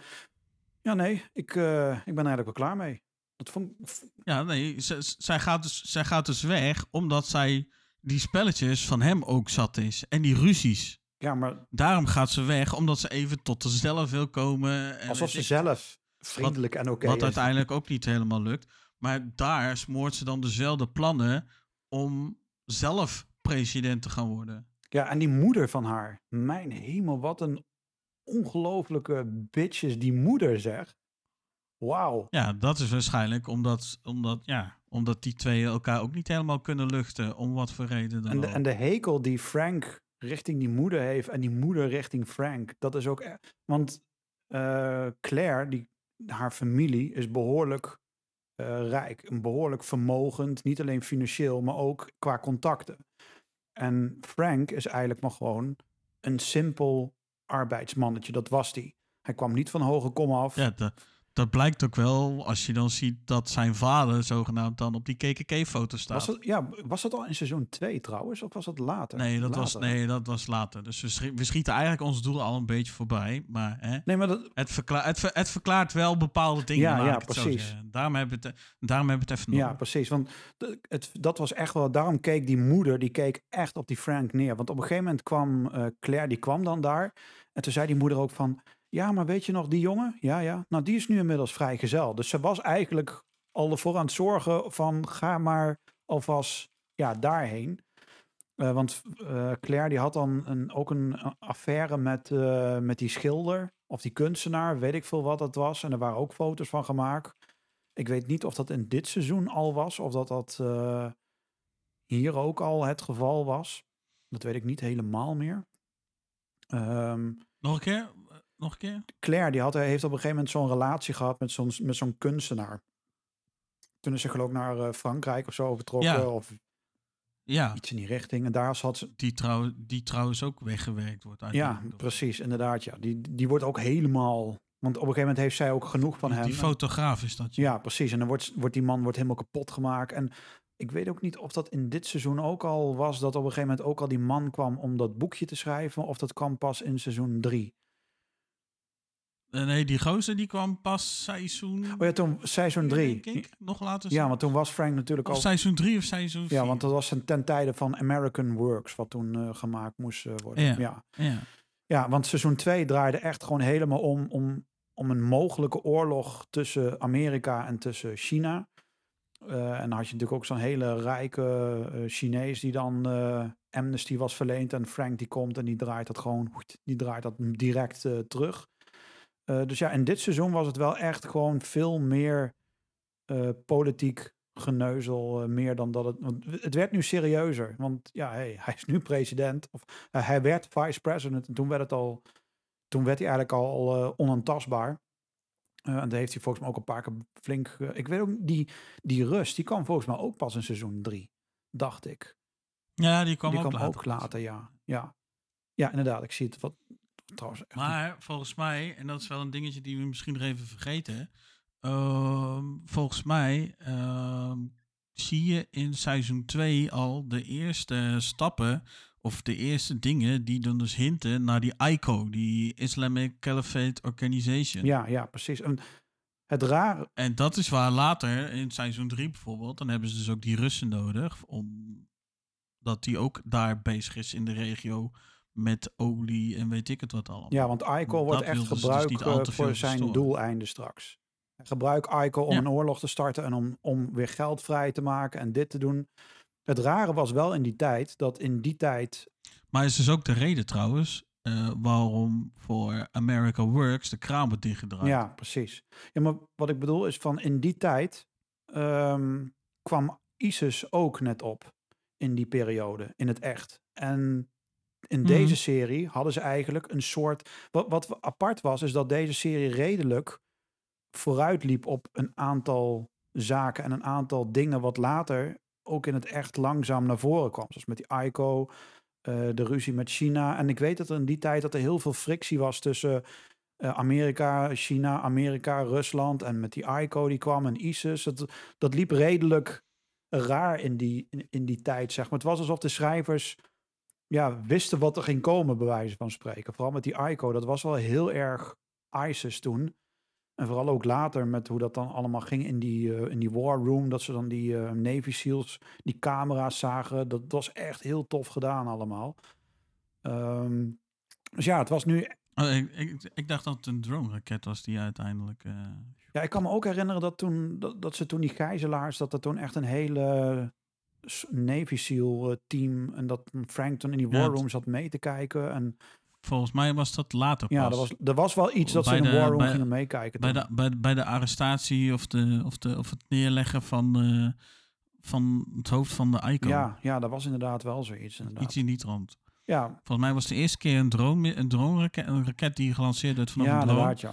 Waar, waarbij dan ook wel soldaten lokaal ook al wel aanwezig waren, mocht het misgaan. ja. Eh, die dan dus uiteindelijk dan dus eh, de, de, de, voor de videofeed zorgden. En later was dan inderdaad Navy SEAL-achtig eh, shit om dan dus die gast eh, bij de kladden te vatten. Ja, want dat was het toffe. Kijk, het, toffe aan wat ik aan deze serie vond, is dat we een inkijkje kregen in de keuken van hoe dat eraan in de politiek aan toe gaat in Amerika. Niet dat een, een VP even iemand voor de trein flikkert, maar er zal, er zal een kern van waarheid in zitten van de manier van hoe een president eh, gaat en hoe dit en hoe dat. Dat zal ongetwijfeld, want ik weet bij Designated Survivor, hè, ik haal hem in één keer eruit, was ehm, eh, een komiek. Hij, heeft toen, hij is toen gestopt met, eh met komiek zijn en hij was, werd toen de, ehm, de, de speechschrijver van Barack Obama. Heeft daar een paar jaar voor gewerkt en ging toen in Designated Survivor werken. Hij was toen een, had toen een, eh, een soort van gelijke rol. Maar wat hij deed, Hij vertelde bijvoorbeeld, eh, als jij die minister bent, mag jij niet in dit deel van het Witte Huis komen. Je mag wel daar komen. Dus hij vertelde eigenlijk hoe de gang van zaken was in het Witte Huis. Dus je wist bij Designated Survivor dat hoe dat daar eraan toe gaat, zo zou het er in, in het echt ook aan toe gaan, bij wijze van spreken. Die man mag alleen maar daar komen of juist niet. En je moet die persoon op die manier aanspreken en zo en zo. En met House of Cards zal dat ongetwijfeld hetzelfde zijn dat daar adviseurs zijn die vertellen van nou, stel dat dit gebeurt, dan is dit de manier van hoe er gereageerd gaat worden en noem het dan maar op. Want één, één dingetje vind ik heel tof, en dat is ook later, maar ik vind hem wel tof om even te benoemen. En dat heeft toen mijn hele visie op, op dit eh, helemaal verkloot. Op het, er komt een moment dat Underwood samen met die andere presidentskandidaat eh, moet gaan samenpraten. En dan gaan hun samen in die kamer, dan trekken hun zich terug, want ze gaan overleggen. En er zit de hele pers zit eromheen te wachten. En dat hun daar dan gaan zitten en dat die kerel dan zegt van, gaan we praten? Waar gaan we het nu over hebben? Dat die Frank dan zijn stropdas afdoet, dingetje open en heel relaxed gaat zitten van, eh, wij gaan helemaal niks doen. En dat hij dan die telefoon pakt en dat ze dan eh, een game gaan zitten spelen op de telefoon. En dan is van, ja maar nu dan? Gewoon, we gaan gewoon een uur wachten. Want anders lijkt het alsof we niks hebben besproken. En dat ze dan na dat uur naar buiten komen en dan zeggen, ja nee, dit was echt een hele vruchtbare meeting. We hebben echt alles besproken. Ze hebben helemaal niks gedaan. En dat maakte toen voor mij dat hele beeld kapot van, maar wat als dit ook, ik kan me voorstellen dat dit, dit soort dingen dan ook in het echt zouden gaan gebeuren. Dat, ja, ze trekken zich terug, maar wie zegt dat hun het gaan hebben over de dingen waar ze nu gaan over gaan hebben? Wat ik meer bedoel is dat die serie zo ongelooflijk echt en realistisch voor mij aanvoelde, dat ik geloof dat het in het echt zou kunnen gebeuren op de manier hoe het is gebeurd. Het voelt niet overdreven Ja, aan. dat snap ik wel. En dat vind ik zo Ja, dat tof. snap ik wel. Ja, die gast die speelde trouwens ook in eh, Altered Carbon. Ja, en hij speelt de nieuwe Die, Robocop. eh, oh ja, dat zijn dat speelde hij ook. Hele, die gast die, eh, die, gast die, die republikeinse presidentskandidaat speelde. samen Dus met de Wonder Woman van, van The Boys. Wat natuurlijk nog voor jou nog steeds de, de, de shock van de eeuw was. Want dat is, Ja, dat was best wel een shock, ja. dat is natuurlijk wel grappig. ja. Want ik had ook zoiets van, toen met The Boys van, waar ken ik haar van? Toen dacht ik van, holy shit, maar dat is zij van, van House of Cards. Hoe dan? Dat is echt gewoon ja, een wereld van verschil. Dus dat was wel tof. Maar we hebben één rode draad, hebben, heb ik even bewust uit mijn hele ehm, dingetje weggelaten. Is natuurlijk onze goede, trouwe viervoeter Dog. Hij moet op een gegeven moment, krijgt hij, heeft hij Rachel niet meer onder controle. Want hij had eigenlijk al lang afscheid van haar moeten nemen. En op een gegeven moment genomen moeten hebben. Ja. dat, dat, dat is klaar. En volgens mij heeft eh Frans toen ook de opdracht gegeven van... het is nu klaar. Je moet er nu echt afscheid van nemen. Nou, dat is niet gelukt. Eh, uiteindelijk dan rijdt hij met haar eh, in een ongelooflijk mooie auto... naar de middle of fucking nowhere. Ze krijgen ruzie in de auto. Ehm, zij stapt uit, rent weg. Onze trouwe viervoeter, die rent erachteraan. En die wordt helemaal de pleuris ingeramd met een tak. Die krijgt echt een, een, een stuk hout voor zijn harses. Dat hij gewoon ja, op de grond neervalt. Eh, zij stapt in de auto, zij rijdt weg. En ja, onze trouwe Beethoven, die, ja, die ligt daar maar op de grond. En eh, je hoort helikopters, je hoort politie. Van ja, waar zou die zijn? Eh, en dan eindigt eigenlijk de serie dan met dat hij daar op de grond ligt. En dan ligt hij daar helemaal op. Ja, hij, hij ademt bij wijze van spreken ook niet meer. Eh, dus ik dacht eigenlijk van oké, het is gedaan met die beste man. Maar daar komt natuurlijk de volgende aflevering op terug. Maar onze goede stamper, ja, daar gebeurt ook onwijs veel mee in dit seizoen. Want ja, wat ik al zei, die, die man die weet gewoon niet wat hij moet doen. Want aan de ene kant doet, doet Ja. hij alles voor de Underwoods. Aan de andere kant wordt hij echt als oud vuil behandeld door de Underwoods. Want hij, hij denkt, Maar hij heeft dat ook niet door, hè? Nee, precies. Dat, hij denkt echt van, hun geven om mij. Dit zijn mensen die om mij geven. Eh, en we zijn trouwens nog eentje vergeten, die zou ik ze ook nog een keer extra benoemen. Maar hun, hun geven om mij. Ja, ik denk dat dat dezelfde is als waar ik aan zit. Ja, hij begint, ja. eh, met, hij begint met een M. en hij eindigt op Ichim.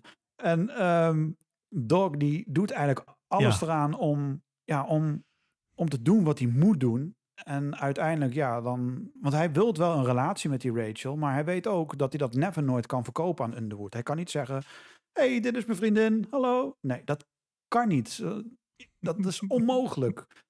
En hij geeft haar volgens mij ook geld dat ze ergens anders kan gaan wonen. En uiteindelijk komt hij daar dan toch weer op terug, zoekt hij haar weer op. En hij weet gewoon niet, hij Ja. weet gewoon geen houding aan te nemen, want hij is gewoon stapel verliefd op haar. Eh, dat, dat is gewoon het Ja. hele ding. En ehm, En zij, en zij wil juist van hem ja, af. precies. En voor, Zij wil vluchten en wil van hem af. en voor de mensen die eh, Superman-fan zijn, die weten het natuurlijk al lang. Maar zij wordt en is de nieuwe Lois van Superman. Maar dat, dat geheel tezijde. Maar zij wordt de nieuwe Lois van de Superman in de filmserie van Superman. Dus dat is wel even een kleine... de James Gunn Van de James Gunn DC. eh, dus zij wordt de nieuwe Lois. Namens, Oh. Naast... Oh, dat is interessant. Ze ziet er niet. Nee, het is een leuke actrice. En in deze serie, ik heb er eigenlijk ook alleen maar in deze rol gezien van House of Cards. Ze ongetwijfeld meer hebben gedaan. Maar ze speelt een hele goede rol in deze serie. Die eigenlijk gewoon zo ver mogelijk van, van Dirk af wilt. En uiteindelijk krijgt ze ook wat geld van hem. En dit en dat. En dan onderhouden ze toch weer een rare relatie. Dan, dan belt hij haar op, geloof ik. En dan moet zij een verhaaltje voorlezen of zo. En dan wordt hij helemaal kalm. Het is, ja, die jongen is gewoon helemaal, ja, helemaal getwist in zijn hoofd. En ja, logisch ook, want zijn leven is, ja, je moet doen wat de Underwoods opdragen. Eh, en ja, dat, je hebt geen keus. Hij heeft gewoon geen keus wat dat betreft. Ehm, als ik heel even kijk trouwens naar de ratings van IMDb, is dat elke aflevering van seizoen 1 en 2 minimaal een 8 krijgen. En sommige die klappen juist naar een 9 toe. Eh, ik zie zelfs staan eh, top rated, eh, dus mm, ja, best beoordeeld. En seizoen 2, ja, die zit ook gewoon continu achter. Als dit mijn rapport was, Gert-Jan, dan had ik een iets betere toekomst gehad. Eh, maar gewoon, ja, om aan te geven. Maar helaas, het is maar, het is maar van een serie. dus ik moet je helaas toch wat Het, het grappige is wel, daar ben ik dan wel trots op, is dat seizoen 6 wel mijn rapport behoorlijk weet te weerspiegelen. Ja, een vijf. Ja, zoiets. Dat was, Eh, st- sterker nog, seizoen 6 had zelfs nog een hogere rating dan mijn rapport. Maar gewoon om aan te geven dat elk seizoen en elke aflevering echt gewoon van een behoorlijk hoog niveau was. En we hebben natuurlijk ehm, in dit seizoen kwam natuurlijk uiteindelijk waar het op neerkwam. Dus de Underwoods die werden dan nu eh, vice president, kwam nieuwe beveiliging aan. En toen kregen we Meacham. Meacham is natuurlijk ja, die jongen die uiteindelijk eh, in zijn persoonlijke beveiliging eh, komt. En dan ook echt de. Zit, zit.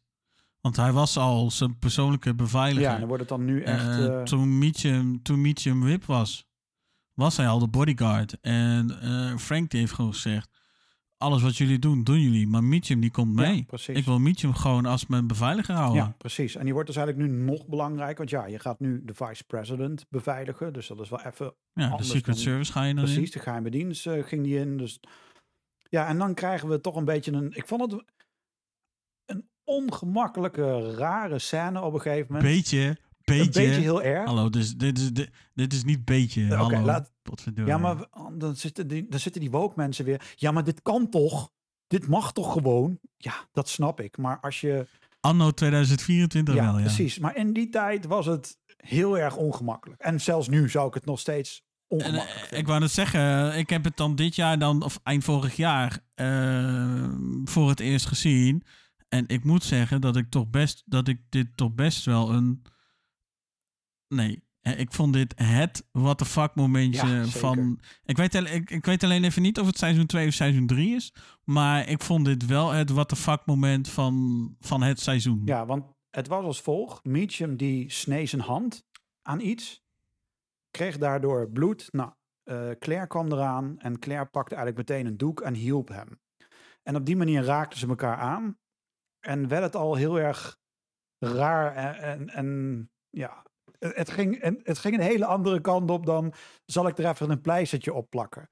Het ging verder dan zal ik er alleen een Wil plei- je SpongeBob of eh, iemand ja, anders als weet pleister? ik veel. En toen kwam Frank, die kwam er dan uiteindelijk ook bij. En die pakte eigenlijk de hand van Meacham ook weer. En die raakte dat ook weer aan op een nogal rare manier.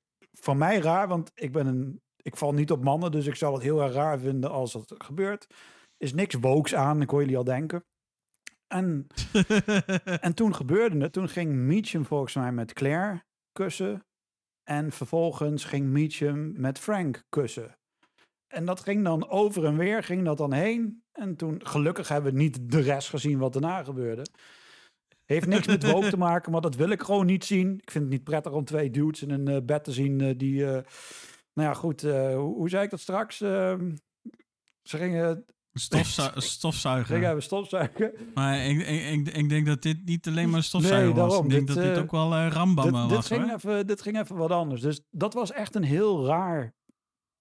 Ja, heel ra hele rare scène dat, dat, dat die drie in één keer... ehm, ja, Ja, het kwam, ook, het kwam ook zo in één keer out of Ja. the blue, weet je. Het kwam ook een beetje eh, gewoon pas, oh, we moeten... voor mij was het echt, oh, we moeten wat. Ja, wat moeten we doen? Ja, iets extreems, denk ik.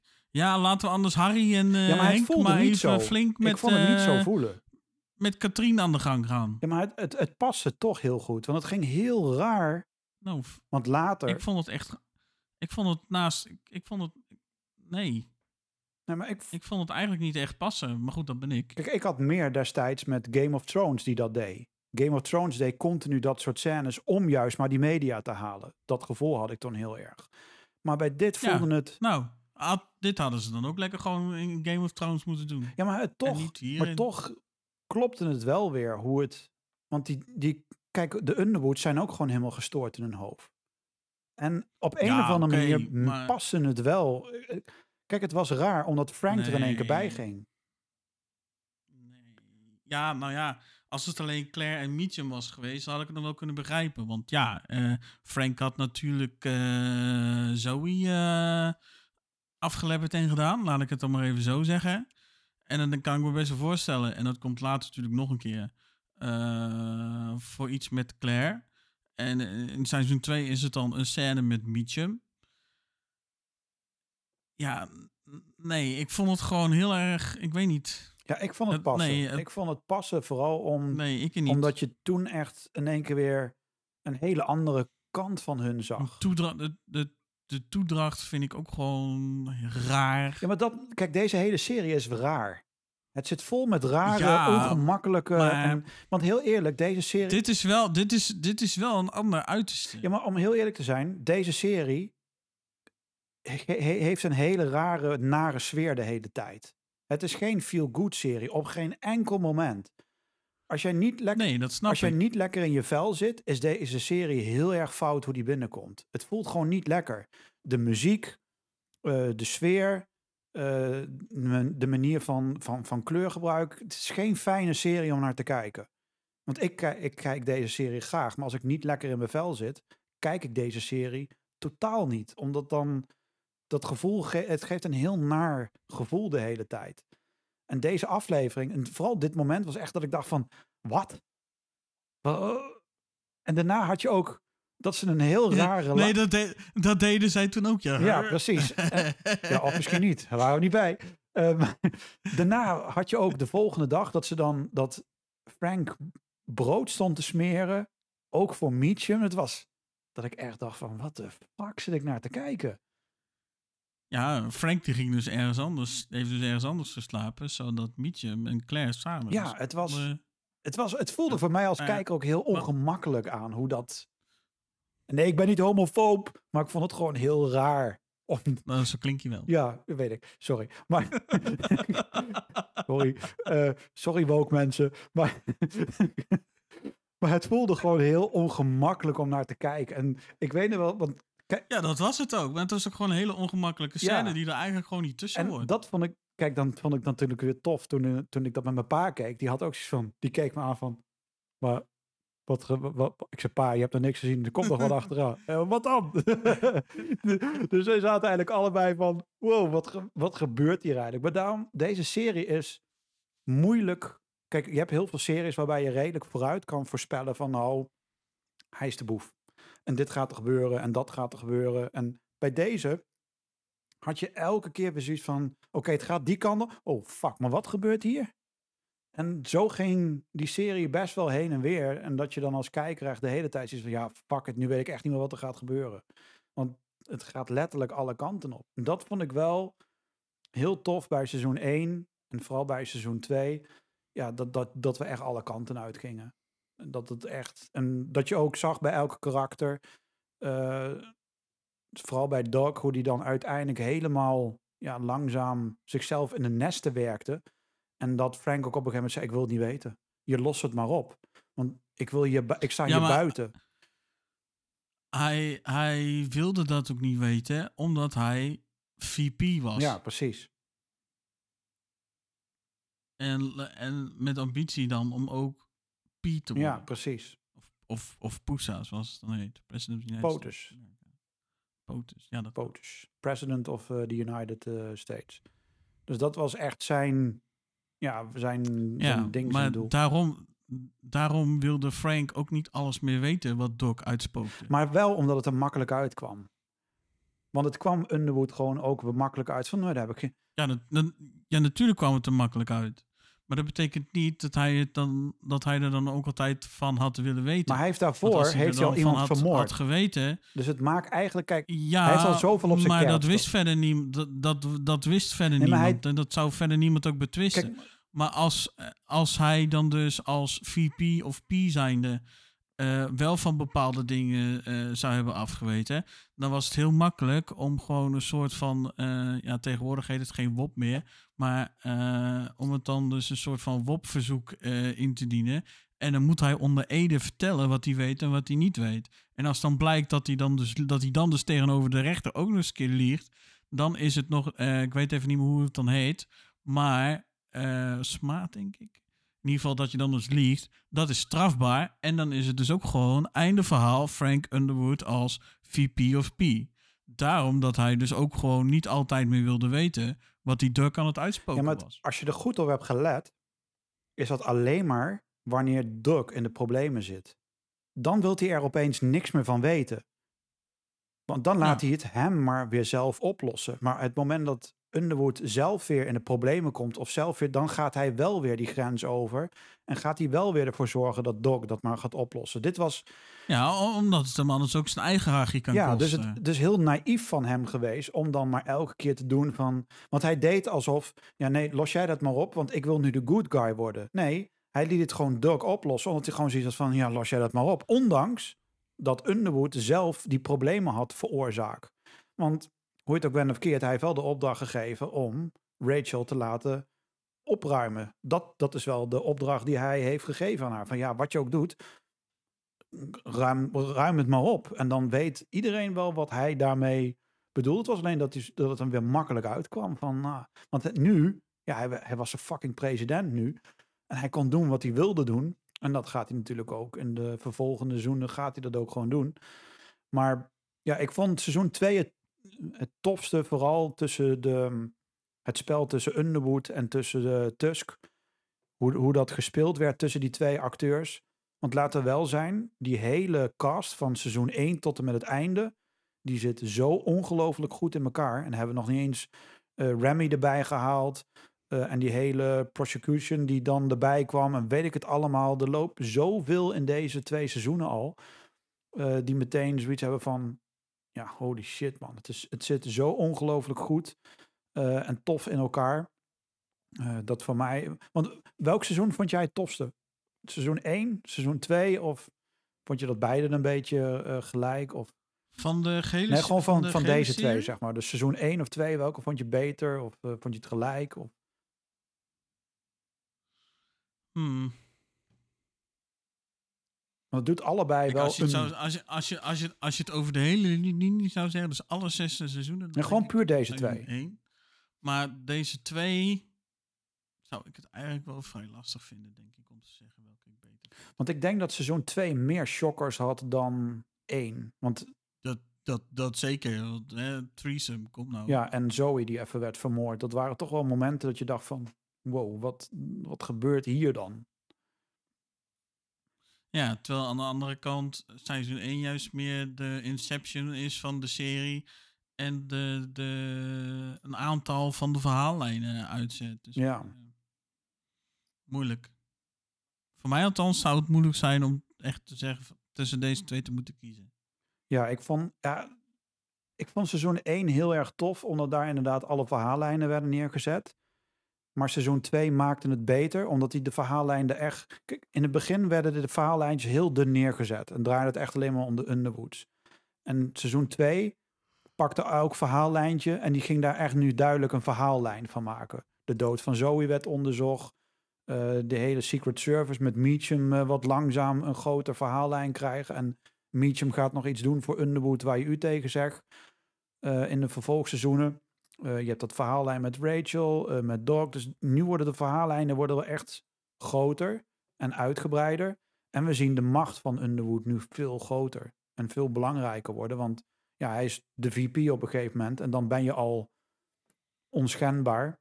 Eh, en als je de president Redelijk onschendbaar. ja, en daarna wordt hij de president. Ja, dan kun je hem helemaal. Want op een gegeven moment wordt dat later ook in de seizoenen gezegd: van ja, maar we hebben alles van Underwood gevonden. En ze hadden alles. En dat die Hammersmith ook zei: maar gast, hij is de president. Hij is niet meer wat hij was. Hij is de president. En daar kun je niet meer met dit aankomen.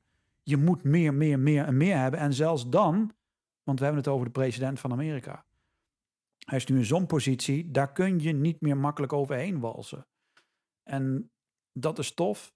En ik vind vooral tof van Kevin Spacey dat dit is en blijft zijn beste rol en zijn beste werk die hij ooit heeft gedaan. Want hij is, hij is Frank Underwood. Ik vind hem zo goed in zijn rol. En nu ga ik een vergelijking maken die niet helemaal klopt, maar ik ga hem toch maken. Ik vind hem een betere Frank Underwood dan Robert Downey Jr. als Iron Man. Ik vind hem, hij is echt Frank Underwood. Ik kan hem nooit meer anders zien. En hij neelt deze rol Ja, maar en zo Robert goed. Downey Jr. kun je toch ook nooit meer anders zien dan Nee, maar Iron ik Man? vind- laat ik het anders zeggen. Ik vind, Iron Man is Robert Downey Jr. ja, maar ik, klopt. Maar ik vind de manier hoe Kevin Spacey in de huid van Underwood kruipt, vind ik zo ongelooflijk goed. Zo goed, dat vind ik beter dan hoe Robert Downey... En hij doet het goed, Robert Downey Jr. Maar ik vind hoe Spacey die rol heeft neergezet, hoe hij die karakter heeft neergezet. En hoe getwist die man dat voor elkaar... Ik vind dat zo... Het moment dat die Underwood in de camera kijkt en praat tegen jou, ik krijg fucking kippenvel. Gewoon dat niveau wat hij doet en hoe hij later tegen, tegen eh, volgens mij was het Jackie, hoe hij dan die telefoon pakt en dat hij dan zegt go fuck yourself. De manier hoe hij dat... nee, dat is niet... of is, oh nee, dat zeggen dat, die is niet dat, dat is niet tegen Jackie, dat zegt hij dan tegen die eh Republikeinse eh, presidentskandidaat. ja, precies.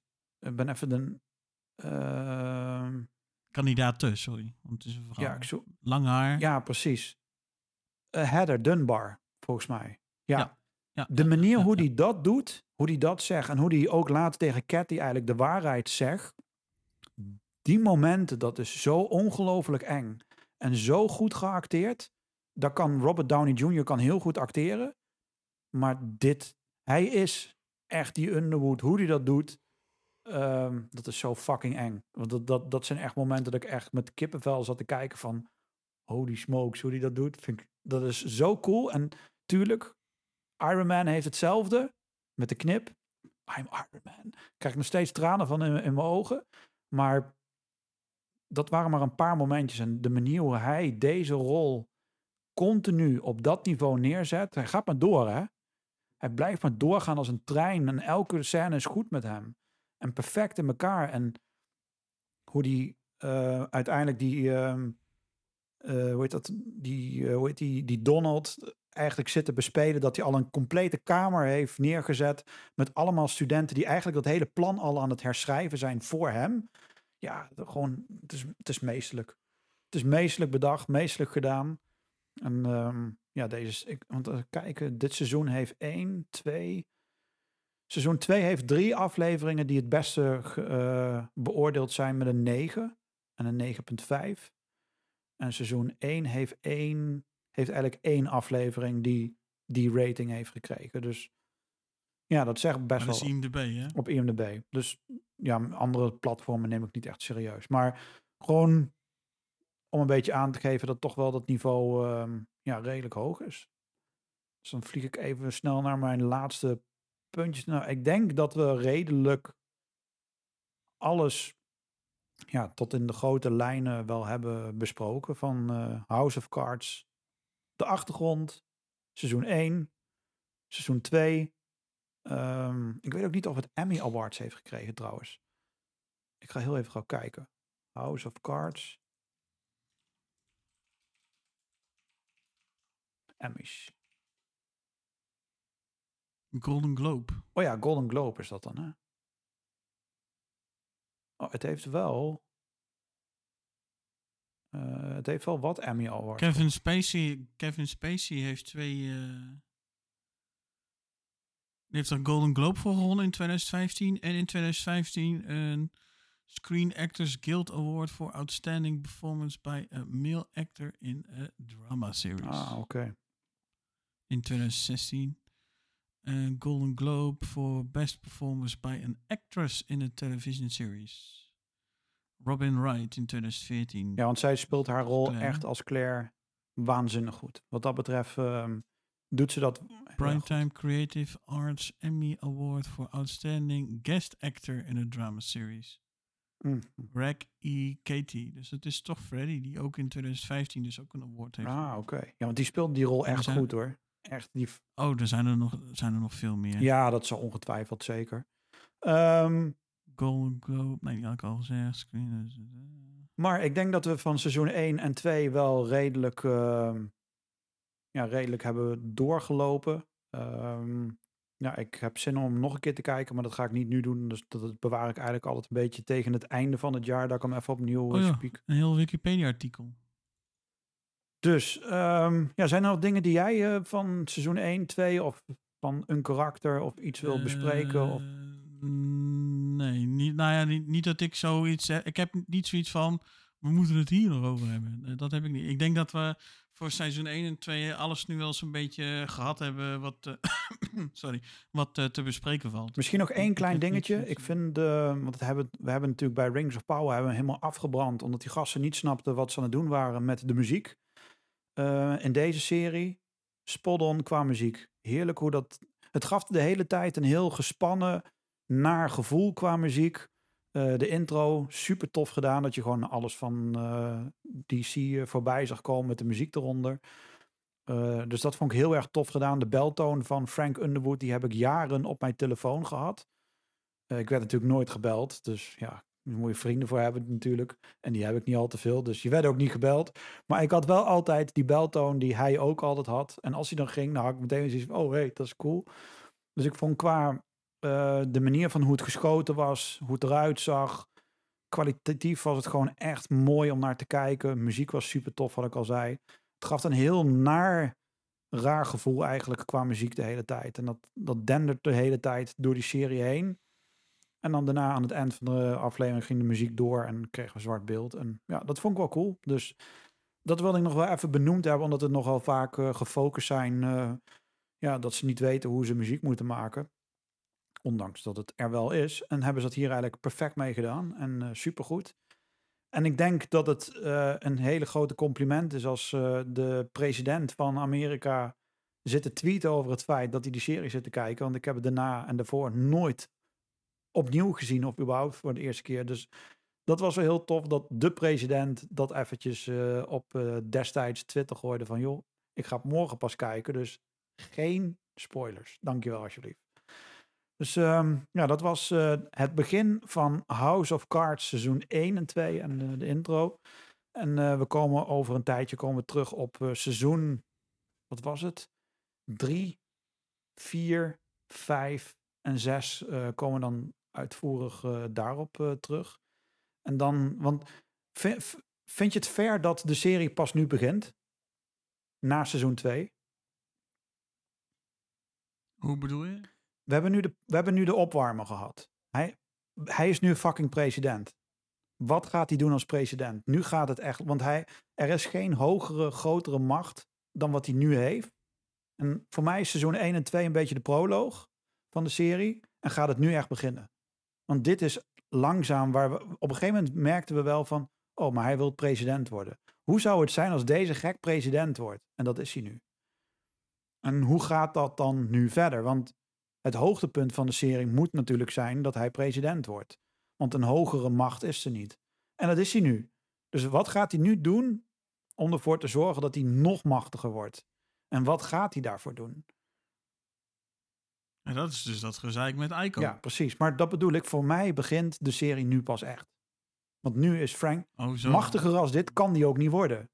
En dat is hij nu. Dus wat ga, hoe, hoe gaat het eruit zien nu hij in die zetel zit? Dat is eigenlijk voor mij van oké. Nou ja, wat je, wat je natuurlijk ook ziet, en wat ik net ook zei, is dat eh, mensen gaan nu dus tornen aan Frank. Precies, Claire zelf wil ook president worden. Precies. Want hij, Die, die, die, die wens die houdt ze vast. En dat heeft ze al sinds seizoen 1. Daar heeft ze eigenlijk al het plannetje gemaakt dat ze president wil worden.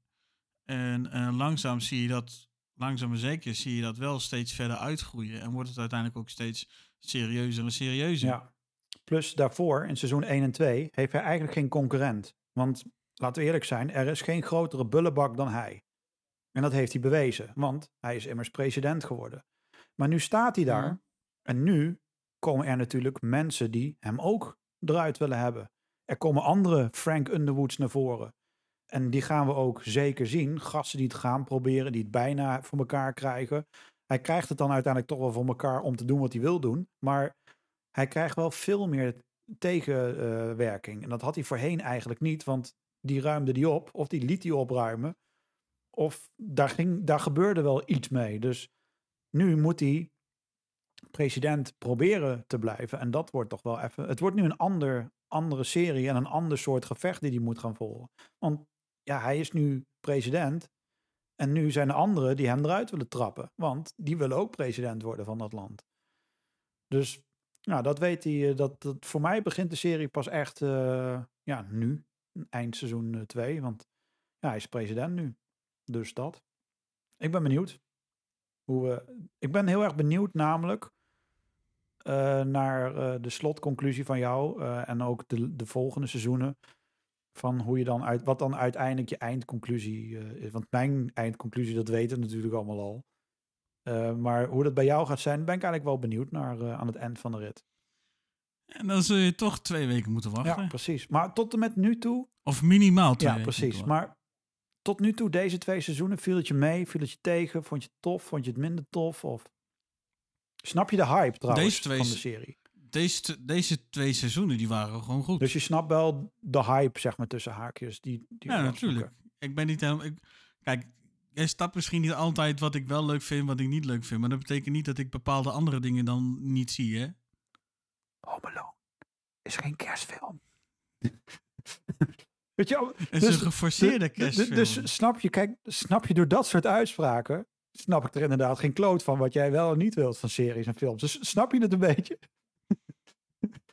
Ja, nee, ik snap het Oh, heel goed. Dus ik snap het daarom heel is goed. het voor mij nog steeds moeilijk om een beetje te lezen bij jou van, ja, wat, wat vind je er nu? Kijk, dat, dat, met, met dat en met, met, Star, met Star Wars hebben we natuurlijk ook al gehad. Ja, toen had ik ook al zoiets van, ja, shit, hier zit ik gewoon mee in een film- en serie podcast. Ja, nou, leuk. Hoe, hoe lul je dat weer echt? Nou, gewoon niet. Nou, dan neem je een pauze, kom je terug na een jaar, ga je zitten, vol moed, begin je en wordt meteen de beste kerstfilm ooit. Wordt meteen, ja, snap je dan dat, dat, dat ik dan alle kanten, kun je mij niet kwalijk nemen, toch? Ik neem het je ook zeker niet kwaad. Maar en dan ben ik dit eigenlijk een soort Frank Underwood. Want in die serie, in- House of Cards, weet je eigenlijk ook nooit wanneer je waar aan toe bent. Oh ja, nu zet hij zich in één keer Nou, dat- neer. dat we- Ja, nee, oké. Ja, Dat weet, je, dat weet je bij mij blijkbaar. Nou, dat zeg je, dat weet je bij mij blijkbaar ook niet. ja, maar er zit wel een verschil tussen Dus jou en dat. Maar, maar oké, oké, ik, Ja, nee, dat, dat, dat snap ik. Maar er zit wel overeenkomst oké, dan, in, dan, dan dat geef ik je dit compliment. Je bent inderdaad net zo'n lul als Frank Underwood. Dat klopt. Ja, toch?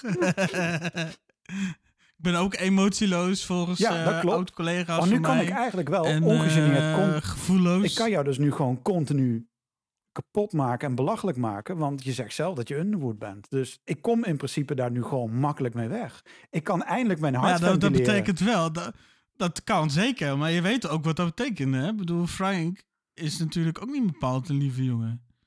Die duwt zelfs mensen voor de metro. Ja, maar ik ga gelukkig nooit met de openbaar vervoer. Ander- maar eh, andere, andere mensen van de trap.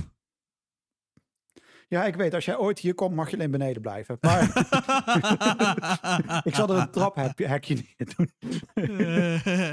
Nee, maar kijk, vond je het erg dat je uiteindelijk deze serie heb gezien.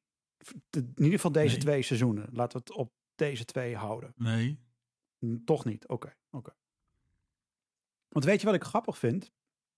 Ehm, dat je toch de keuze hebt gemaakt om House of Cards te kijken in plaats van Sons of Anarchy. Want we zijn er even tussenuit geweest. En in die tussentijd had je makkelijk één van die twee kunnen kijken. En toch heb je de keuze gemaakt, al is het niet helemaal fair om die twee naast elkaar te zetten. Maar je hebt toch, want je bent eerder weer begonnen met Sons. En je hebt toch die links laten liggen om House of Cards te kijken.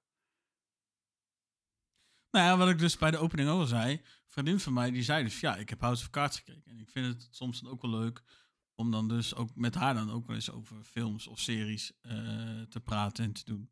En toen had ik zoiets van, ja, maar ik had ooit al twee keer seizoen 1 gezien van House of Cards. Ja. En dat was al voordat ik begonnen was aan Sons of Anarchy. En doordat toen dan dus onze pauze kwam, had ik verder zoiets van... Ik weet verder niet hoe of wat, of dat het überhaupt weer terugkomt, ja of nee, of dat, eh, nou ja, whatever. Dus ik zag verder ook niet al te veel heil meer in om eh, House of, nee, Sons of Anarchy, sorry, eh, verder te gaan kijken. En ik weet ook niet wat er gebeurd is, maar ik zal je even een screenshot sturen. en daar zie ik namelijk ook geen, ook geen Sons of Anarchy staan. En toen kwam zij dus, ja, ik ben House of Cards aan het kijken. En toen had ik zoiets van, oh, maar dan is het misschien ook wel leuk om het er een keer over te hebben.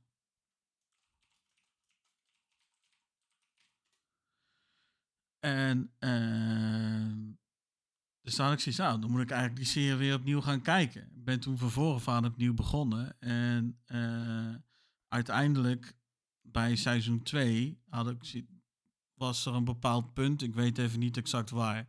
Maar er was wel een moment dat ik dus tegen mezelf dan zei, maar holy fuck, dit is eigenlijk toch wel iets wat ik af wil kijken. Want ik vind het eigenlijk best wel interessant. En dat heb ik toen dus ook gedaan. En ja, on- onder andere ten koste van, eh van Sons of Anarchy. Ja, ja, ja. Maar ook andere series. ja, ja Ik ben bijvoorbeeld ook bezig met het ik ben bijvoorbeeld ook bezig met het kijken van de animatieserie van One Piece. Dat zijn duizend afleveringen in totaal. Ik heb alleen nog niet alles eh, überhaupt. En eh, eh, intussen ook met wat ik heb ook al bijna klaar. Dus dat staat ook op een lange pauze. Maar ja, ook daar ben ik mee gestopt om te kijken, omdat ik House of Cards wilde kijken. Ja, ja, precies. Nou, het zijn, het zijn lange afleveringen en elk seizoen heeft best wel wat afleveringen. Even gewoon spieken hoeveel. eh 13, 13 inderdaad. Dus het, het zijn best, het is een lange zit. half seasons. Het is een, eh, wat dat betreft een lange, lange zit elke keer. En gebe- het, is ook een serie waarin zoveel gebeurt dat je niet...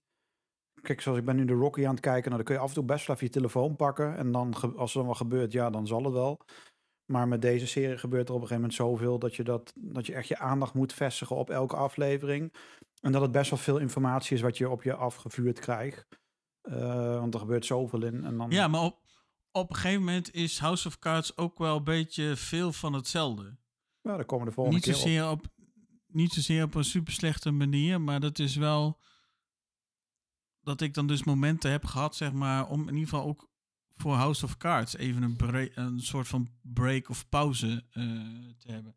Gewoon puur omdat ik het gewoon even zat was om dan House of Cards te kijken. Ja, ik, zodra ik to- toevallig dat ik vanochtend die twee afleveringen, maar ik had wel zoiets van, nou, eigenlijk moet ik het gewoon weer helemaal opnieuw kijken. Maar ik heb gewoon nog veel te veel andere dingen om te gaan kijken. Had ik dat niet, dan had ik Foundation. Foundation, ja, echt, ik ben heel benieuwd. En ik, ik kijk eerst de Rookie af. Dat is voor mij een ding. Dan heb ik er nog een paar van. Eh, die ga ik afkijken. En dan, ik denk dat ik dan tussendoor de Beer ga afkijken. Want daar gaan we het natuurlijk ook de volgende keer over hebben. En dan in, in de avonden. Je had seizoen 1 en 2 toch al gezien? Volgens mij alleen één, dacht ik. Maar ik weet niet meer zeker waar ik ongeveer ben. Oh. Eh, Oh, ik dacht dat iemand mij laatst of had ik hem... Ja, ik had hem inderdaad wel afgekeken. Dat is het. Maar ik kan me er geen kloot meer van herinneren. Dus... dat komt dat ik dat heel snel de heb gespoeld. Raad ik een serie aan, krijg ik een dag later. Ja, lul, je hebt me toch wel weer eh, aan een nieuwe verslaving geholpen. Ik, ik, eh, ik kijk nog even verder. Volgende dag. Of, ja, volgende dag. Nou, ik ben klaar hoor. En nu, ja, ik weet er niks meer van. Nee, dat, daar heb ik maar gewoon- zal ik, je, ik, zal, ik zal jou vast een eh, tipje van de sluier oplichten. Ehm, misschien dat ik een nieuwe serie voor je heb. Oh, nou, dan komen we daar nog wel op terug. Ehm, maar goed, Maar dat horen we volgende week. precies. We gaan hem nu. Ja, ik- ik volgende week is het gewoon weer. eh, dan gaan we het over eh, de beer onder andere hebben. En over de Marvels. Of de Marvels. Want wij, wij spreken het uit als Marvel. Marvels, Maar het is de de Marvels. Marvels. Want ja, ze, Oh. Marvel is natuurlijk het bedrijf die eh, de, de Is, shitshow heeft verzonnen. is, is, is, is, is er een eh, pronoun over uitge, uitge Ja, ze heet, ja, anders zouden ze in de film ook Marvel heten. Dat, dat klinkt natuurlijk niet, want Marvel is het bedrijf die het heeft gemaakt. En, Marvels, en hun soort heet de Marvels. Dus je legt de klemtoon net even anders. Dat is altijd al, al zo geweest. Alleen ja, wij spreken natuurlijk, eh, omdat, een, omdat domme boeren zijn, spreken het gewoon uit als de Marvels. Maar dat is het niet, het is de Marvels. Dus Maar wou je het volgende week dan niet gaan... Al niet een klein beetje aan het hebben over eh, die andere Apple-serie? ook die, dat, dat is de hele reden dat part 2 van House of Cards een weekje later komt, zodat we dan over Masters of the Air kunnen hebben. Anders dan moeten we twee weken nog langer wachten. Oké, oké, oké, oké. Ja, nou, ik, ik dacht dus ook een beetje Vandaar dat, dat je misschien eh, Masters of the Air in de algemene ja, die komt, aan, die komt, vol, komt hebben- volgende ronde. Wanneer we het ook gaan hebben over Band of Brothers, de Pacific, die ik trouwens wel wil kijken voordat we gaan opnemen. Precies, dus, dus, Want de Pacific heb ik nog nooit gezien. dus heel simpel. We krijgen volgende week krijgen we de- een normale aflevering waarin we de Marvels gaan bespreken. En onder andere de eerste aflevering van eh, Masters of the Air. Want daar zitten we gewoon op te wachten. Die week daarop komt Oh, part 2. Ik heb aflevering 3 ook al. En dan daarna, later dit jaar, wanneer eh, Masters of the Air volledig is geweest, dan kijken we alle drie, tenminste ik ga alle drie de series dan weer opnieuw kijken. En dan gaan we er opnieuw voor zitten. En dan leggen we de series naast elkaar. En ik kan je nu al vertellen welke eraf valt en welke er heeft gewonnen. Ondanks dat ik nog geen ene meter heb gekeken. Maar ik weet al wel precies hoe en wat en waarom. Maar ik ben benieuwd of ik daar volgende week op terugkom. Of dat klopt wat ik denk. Of dat ik er helemaal naast zat. Dus ik ben benieuwd. Eh, dus dit wordt of een home loontje vanuit mijn kant. Of eh, ja, gewoon niet. Ehm, maar goed, we hebben nu alles gezegd over seizoen 1, seizoen 2. Eh, we hebben denk ik nu ongeveer drie uurtjes op de teller staan. Als het niet langer is, denk ik, in totaal. Twee, ja, of mij, bij mij zegt de tool hier 2 uur 57 minuten en wat. Plus de half uur die eh, we hiervoor eh, hebben gepakt. Dus dat is ongeveer best lang. Ja, wij zitten, in, wij zitten inderdaad al een. Jeetje, we zitten al bijna. En kun je nagaan dat we eigenlijk nog de rest van de seizoenen ook in deze aflevering hadden gepropt. Dus wees blij dat het niet is gedaan. Anders dan zaten we hier morgen vroeg letterlijk nog. Oh god, dat had wel een hele erge marathon Want dan zaten we nu nog niet eens op de helft van de, van de serie. Dus vandaar Nee, want we hebben net seizoen 1 en 2 gehad. Dus we zouden nu net pas dan kunnen beginnen aan seizoen 3. dus dat. Dus dan zouden we daarna pas op de helft zitten. Precies, dus dat. Ehm, ja, ik zou zeggen in ieder geval wederom bedankt voor het luisteren. En eh, laat op Spotify Nou, in die nou, app even weten wat je van eh, hiervan vond.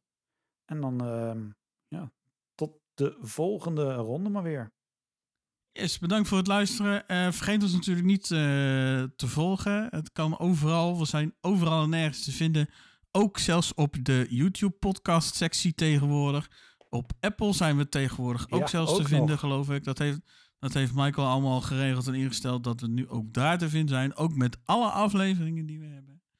En vergeet ons vooral niet te checken op screentalkdepodcast.nl. Hou die vooral ook in de gaten, want ik heb geruchten vernomen dat er mogelijkerwijs heel misschien Ooit iets mee gaat iets gebeuren. anders op gaat komen. Precies, dat wordt heel tof. Nu al. Doei. Doei. Hey. Dat zegt hij dan kuk dan. Doei. En dan ben ik degene die gevoelloos en emotieloos is. En hij... Doei. Alright. Hey, bedankt voor het luisteren en eh, ja, tot volgende week. hey, mazzel. Doei.